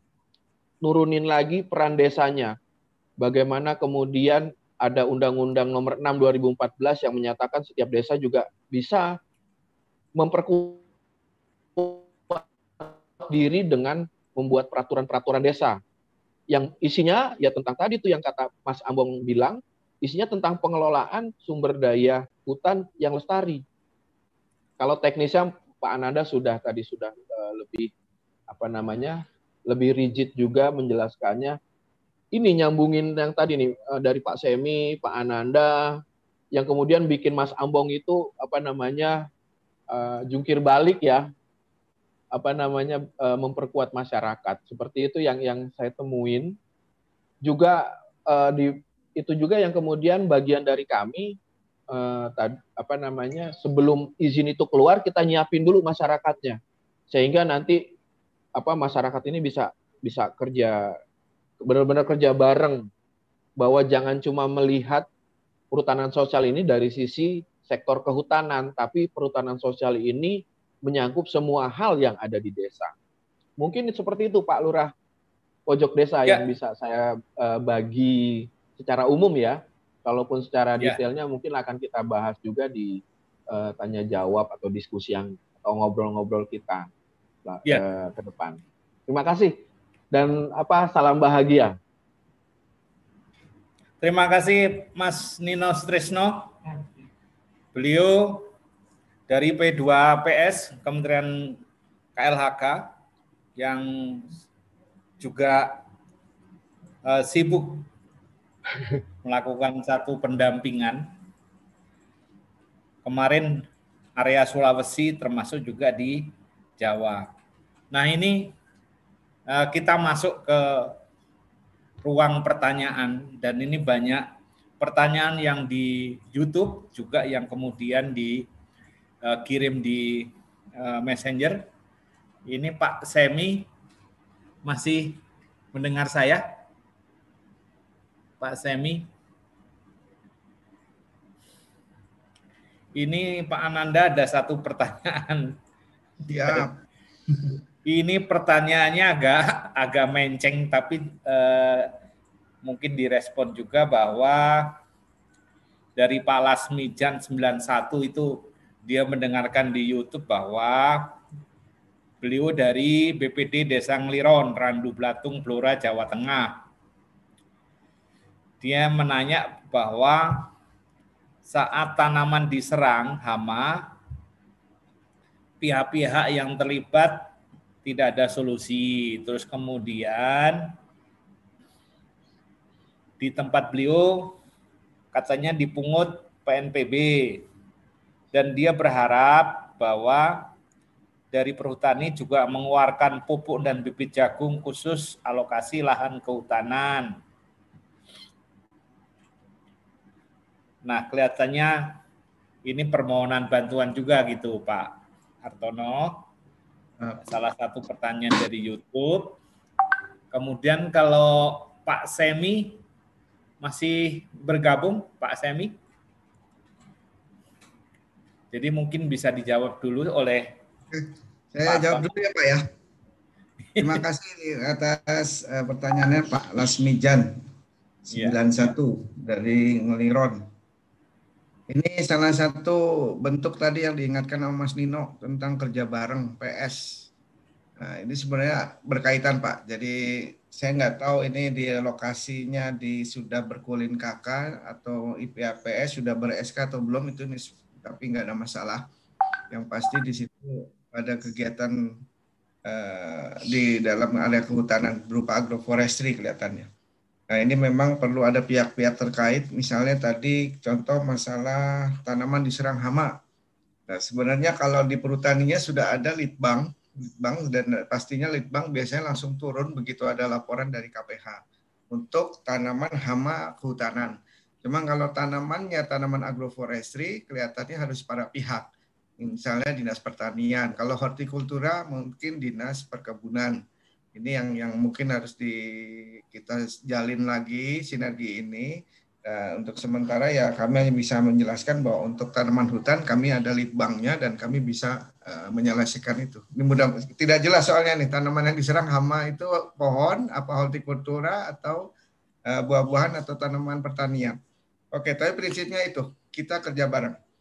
Terus yang tinggal Pak Lamijan bisa apa tinggal laporkan saja ke KPH atau ke pihak-pihak yang ada di sana untuk bagaimana ini solusinya. Tinggal nanti kita klikkan ke eh, apa ke bagian mana untuk penyelesaiannya. Mengenai PNBP PSDH, ini ketentuan yang memang harus ini kewajiban apa eh, pembayaran pajak untuk provinsi sumber daya hutan. Jadi semua kegiatan di dalam kawasan hutan itu diatur oleh saya peraturannya lupa ini. Ada perdirjennya di KLHK eh, untuk eh, penerimaan bukan pajak. Nah ini eh, sudah ada tarifnya eh, sehingga ya mau tidak mau ini kewajiban sebagai warga negara dan sebagai penerima penerima manfaat diwajibkan kena pajak memang di sini PSDH ini Provinsi Sumber Daya Hutan. Kemudian untuk pupuk, nah ini kemarin juga kami ada diskusi dengan uh, pusat strategi kebijakan pusat kebijakan strategi KLHK. Kami juga sudah memasukkan ini kaitannya dengan petani hutan dan petani non di kawasan hutan. Memang ada, sementara ini ada perlakuannya agak berbeda untuk petani hutan kalau petani non kawasan hutan itu sudah dipastikan mendapatkan pupuk subsidi. kemudian dapat fasilitas-fasilitas lain dari Kementerian Pertanian atau Dinas Pertanian setempat. Nah, khusus eh, petani hutan, petani dalam kawasan hutan, memang ini belum ada SK-nya dan kemarin belum ada kebijakannya. Dan kemarin kami diskusi dengan teman-teman dari pusat eh, kebijakan strategi LHK bahwa ini tolong bisa dimasukkan bahwa petani siapa pun di hutan maupun di, di luar kawasan hutan harusnya mendapatkan fasilitas yang sama seperti pupuk subsidi yang dimohonkan atau bibit-bibit yang bibit unggul dan lain-lain. Itu mungkin penjelasan kami, Pak Lurah. Ya, Pak Artono, terima kasih. Ini ya. juga ada satu pertanyaan yang ditujukan untuk semua sebetulnya. Jadi begini, ceritanya bahwa ini dari Mas Herson di Jawa Timur bagaimana uh, dalam proses uh, ini masih kelihatannya masih pasca SK Pak Artono yang diharapkan itu ketika ada satu proses pendampingan itu semua pihak baik dari uh, pendamping ataupun dari KLHK seperti TP2PS terus kemudian organisasi pendamping dan uh, perhutani bisa berkoordinasi dengan baik dalam rangka percepatan mungkin bisa disampaikan juga ini menyangkut soal kebijakan soalnya gitu. Jadi misalnya eh, di pasca SK itu kan banyak masalah teknis gitu yang kurang lebih terkait dengan persoalan lahan, peta dan yang lain-lain mungkin eh, ini bisa intinya dikeroyok bareng gitu kelihatannya. Jadi mungkin jadi satu rekomendasi juga dalam satu diskusi kita walaupun satu pertanyaan. Terus kemudian ini bisa saya sampaikan ke Mas Sambong juga, Mas Nino, Mbak Tami, Pak Semi. Nah, juga ada satu pertanyaan juga untuk Kemendesa ini ke, ke Pak Semi sebetulnya bahwa nah, anu Kemendes. Oh, Ya, ini eh, selamat pagi Mas Pit. Terus uh, kurang lebih seperti itu ya. Ini ada satu pertanyaan. Ini ini konon. Pagi Mas Pit. Dibuka. Tutup dulu. Ya, kurang lebih gitu, Mas. Mas.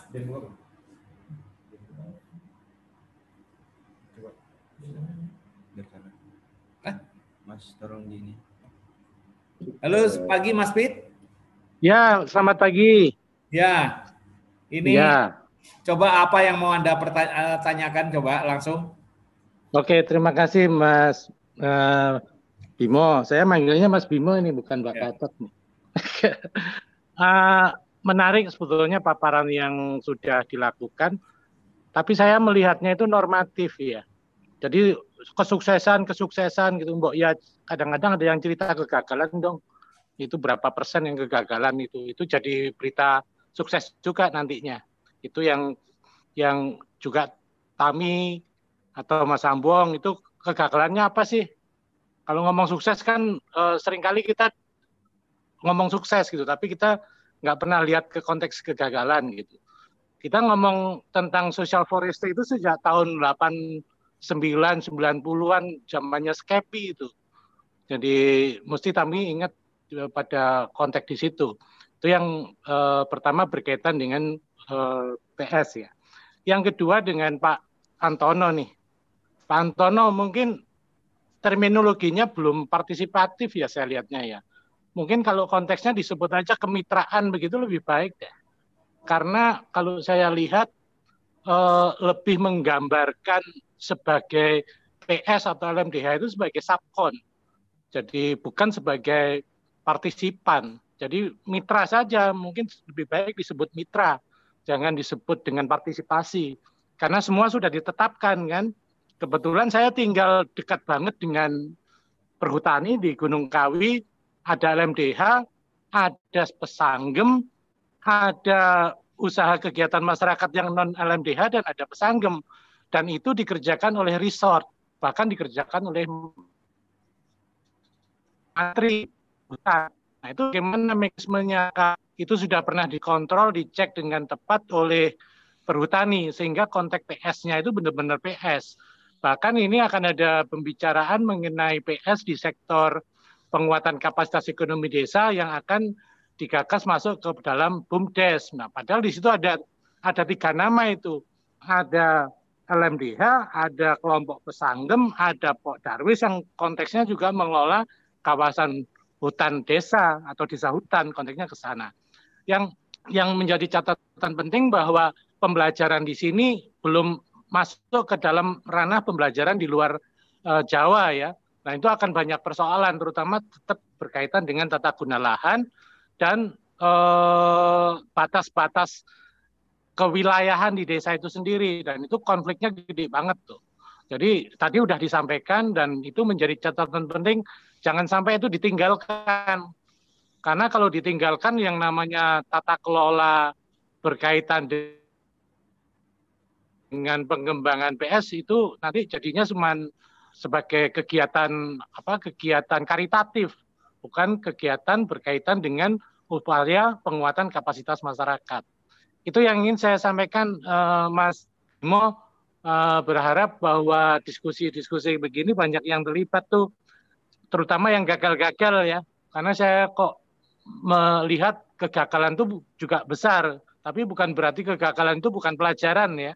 Jadi berharap bisa menyampaikan juga kesulitan berhubungan dengan Misalnya Pokja PS itu gimana di tingkat provinsi? Bagaimana kalau di tingkat masyarakat itu ada konflik lahan, misalnya kayak gitu tuh. Itu perlu disampaikan. Itu ya. saja ya. Mas Bimo kebetulan saya dari ya. Dial Foundation. Ya. Ya Mas uh, posisi ada di Gunung Kawi pas berbatasan dengan kawasan lindung. Ya. Ya. Mas Pit Widyati saya terima kasih. ke Mas Bimo. Ya. Ya, makasih Mas Pit. Nah, ini Siapa yang mau menjawab dulu? Saya minta coba Pak Ananda dulu, nanti baru Mas Tak Mbak Tami. Biar Pak Ananda dulu baru. Hah? Jawab dulu. Baik. Ya Pak, uh, baru saya. Siapa dulu nih? Saya ya, dulu. Pak Ananda, boleh. Oke, Mbak Tami ya, saya dulu ya. Oke, yang uh, singkat aja ini. Kaitannya dengan Pak uh, yang ini Mas Pit Ngawi, eh Ngawi Lau, Uh, Kawi, Kawi. Gunung Kawi, Pak. Gunung Kawi, Gunung Pak. Kawi, eh, iya. Aduh, selamat. Enggak sempat belum sempat ke sana nih di Kawi, Malang. Saya Jadi, tunggu, Pak. Ya. Gunung Kawi. Nah, ini ini kaitannya juga dengan istilah yang disampaikan Pak Sami tentang HPD hutan pangkuan desa. Jadi ada dua terminologi yang harus di ini juga disepakati sebenarnya bahwa zamannya HBM kemarin-kemarin itu kita mengistilahkannya ada HPD hutan pangkuan desa. Sebenarnya hutan pangkuan desa itu adalah overlay dari batas areal administrasi desa dengan kawasan hutan. Di situ namanya hutan pangkuan desa dan HPD ini adalah sebenarnya MOU-nya saja sebenarnya.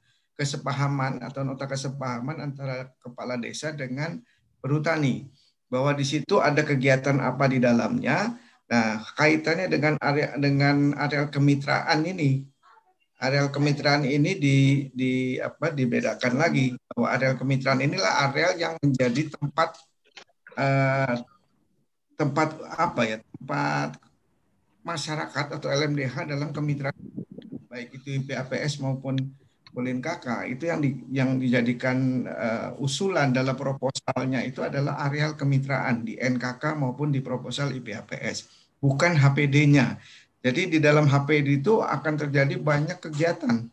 Seperti tadi yang diceritakan ada LMDH, ada Pokdawis, mungkin apa kerjasama wisata, BUM, BUMDesnya kerjasama dalam wisata. Ini ini semua di di dalam hutan pangkuan desa. Sedangkan di dalam areal kemitraan ini khusus yang dikelola oleh LMDH atau kelompok kelompok PS yang mengusulkan. Itu perbedaannya Pak. Dan saya setuju, jadi yang kami sampaikan tadi tentang perencanaan partisipatif itu sebenarnya konteks dalam mengelola tapak Pak. Sedangkan konteks besarnya adalah kemitraan. Tetap kita kemitraan kehutanan, bukan eh, apa kami merubah partisipatif, tapi partisipatif itu maksudnya adalah konteks dalam perencanaan tapaknya kita harus perencanaan partisipatif, akomodatif, fleksibel dan uh, dinamis. Jadi artinya menampung semua perubahan-perubahan di tapak harus diakomodir semua. Ini yang yang kami masukkan dalam pola tanam agroforestry misalnya. Seperti itu. Itu mungkin uh, untuk sementara dari kami penjelasannya. Uh, satu lagi mungkin uh, dari Pak Herson tadi tentang pendampingan yang semua multi pihak. Ini sebenarnya oh, iya. sudah digagas oleh Bupsa Pak, Pak Lurah. Jadi ya. Dirjen uh, direk, Direktur Bupsa ini Pak Herudoyo ini selalu uh, di lokasi-lokasi ya PS unggulan kita mengundang namanya agenda multi pihak. Tadi diceritakan oleh Mbak Tami termasuk oleh Pak ini juga diceritakan. Ini ini yang kita lakukan. Terima kasih. Ya, makasih Pak Artono. Mbak Tami langsung langsung. Mbak Tami langsung. Ya, ya Assalamualaikum. Ya. Mas Pit, apa kabar? Terima kasih. Aku senang di akan bertanyakan uh, apa sih gitu ya uh, ke kegagalannya. Aku nggak mau bilang gagal ya, karena kalau gagal itu kadang kita berhenti tantangan. Tantangannya banyak gitu, karena tantangannya banyak kemudian karena justru tantangannya banyak, maka kemudian kita masih harus terus bekerja. Nah, itu. Jadi misalnya gini, ini uh, pada saat kemudian ini yang terbesar ya, kita tuh sering kali hanya kemudian berhenti sudah izin itu keluar. Jadi itu banyak betul di banyak tempat di Indonesia. Uh, bergulir semangat untuk ngejar sampai akses legal itu keluar. SK apa berhenti sampai di situ.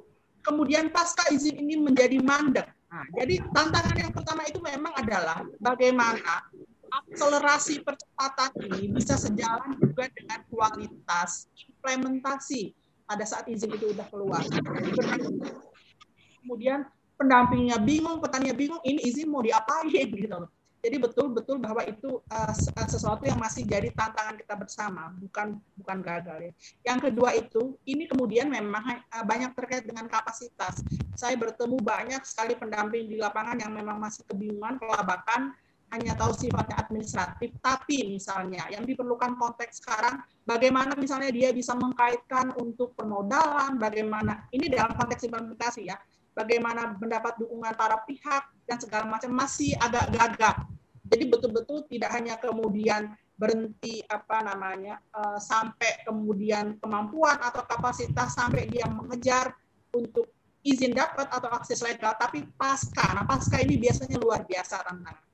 Kemudian yang sering kali saya temui di lapangan, ini utamanya Jawa ya, uh, pasti Pak Ananda paham, itu konflik, benar jadi kadang kalau kita turun itu kita bisa dua hari dua malam tuh nggak tidur hanya karena supaya mendudukkan LMDH bisa duduk bareng berdekatan sama ATH atau sama Gapotan. Setiap lahan ini menjadi sangat berharga dan kemudian pada saat mereka dapat akses buat untuk mengelola lebih luasa, maka itu menjadi berharga. Karena menjadi berharga, maka oh ini kan punya saya, ini punya saya.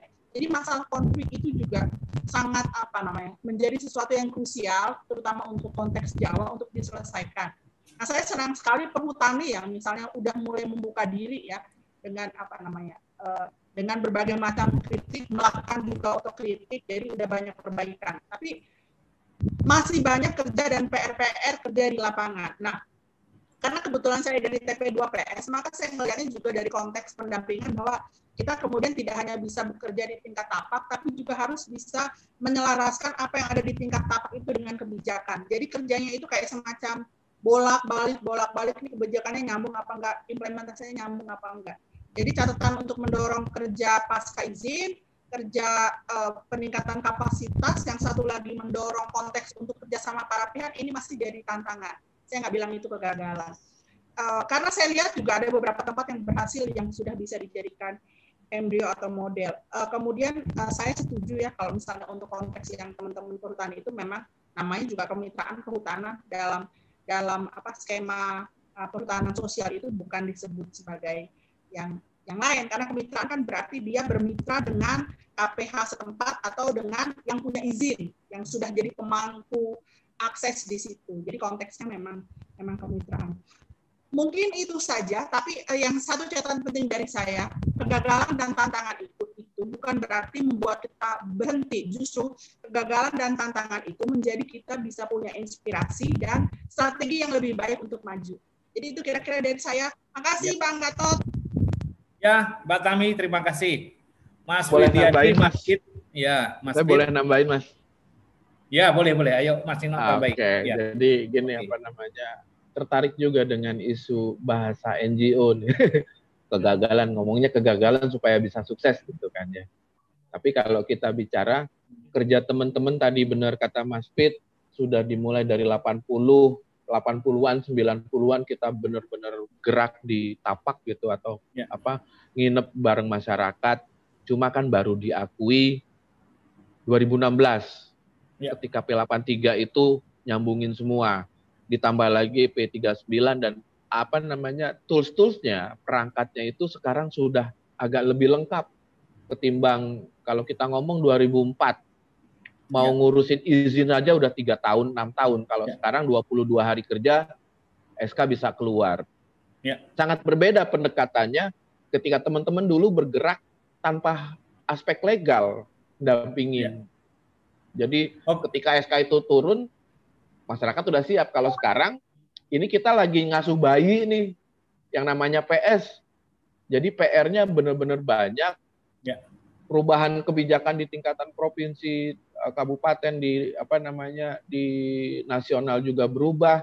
Ya. Ini yang kemudian apa kegagal bukan kegagalan lagi dibilangnya PR-nya tadi ataupun tantangannya yang harus kita lakukan bareng-bareng. Oke, oke, Mas Nino. Mungkin itu ya. Ya. Ini mohon maaf ini menarik kita diskusinya juga banyak pertanyaan dari YouTube banyak sekali yang mungkin nanti mau saya uh, sampaikan uh, lewat uh, cara lain untuk nanti saya kembalikan ke penanyanya bahwa sangat banyak nih pertanyaan sangat banyak menarik sekali tapi ini waktu kita sudah habis mau saya close dulu untuk live-nya uh, setelah ini kita masih bisa uh, pakai Zoom sebentar ya untuk ngobrol gitu tapi mungkin saya close dulu. Baiklah, terima kasih banyak pemirsa, eh, para sahabat dan kerabat eh, TV Desa, juga para kerabat desa Nusantara. Kita akhiri dulu acara eh, forum pojok desa siang ini. Terima kasih banyak. Wassalamualaikum warahmatullahi wabarakatuh. Merdeka, salam perhutanan sosial.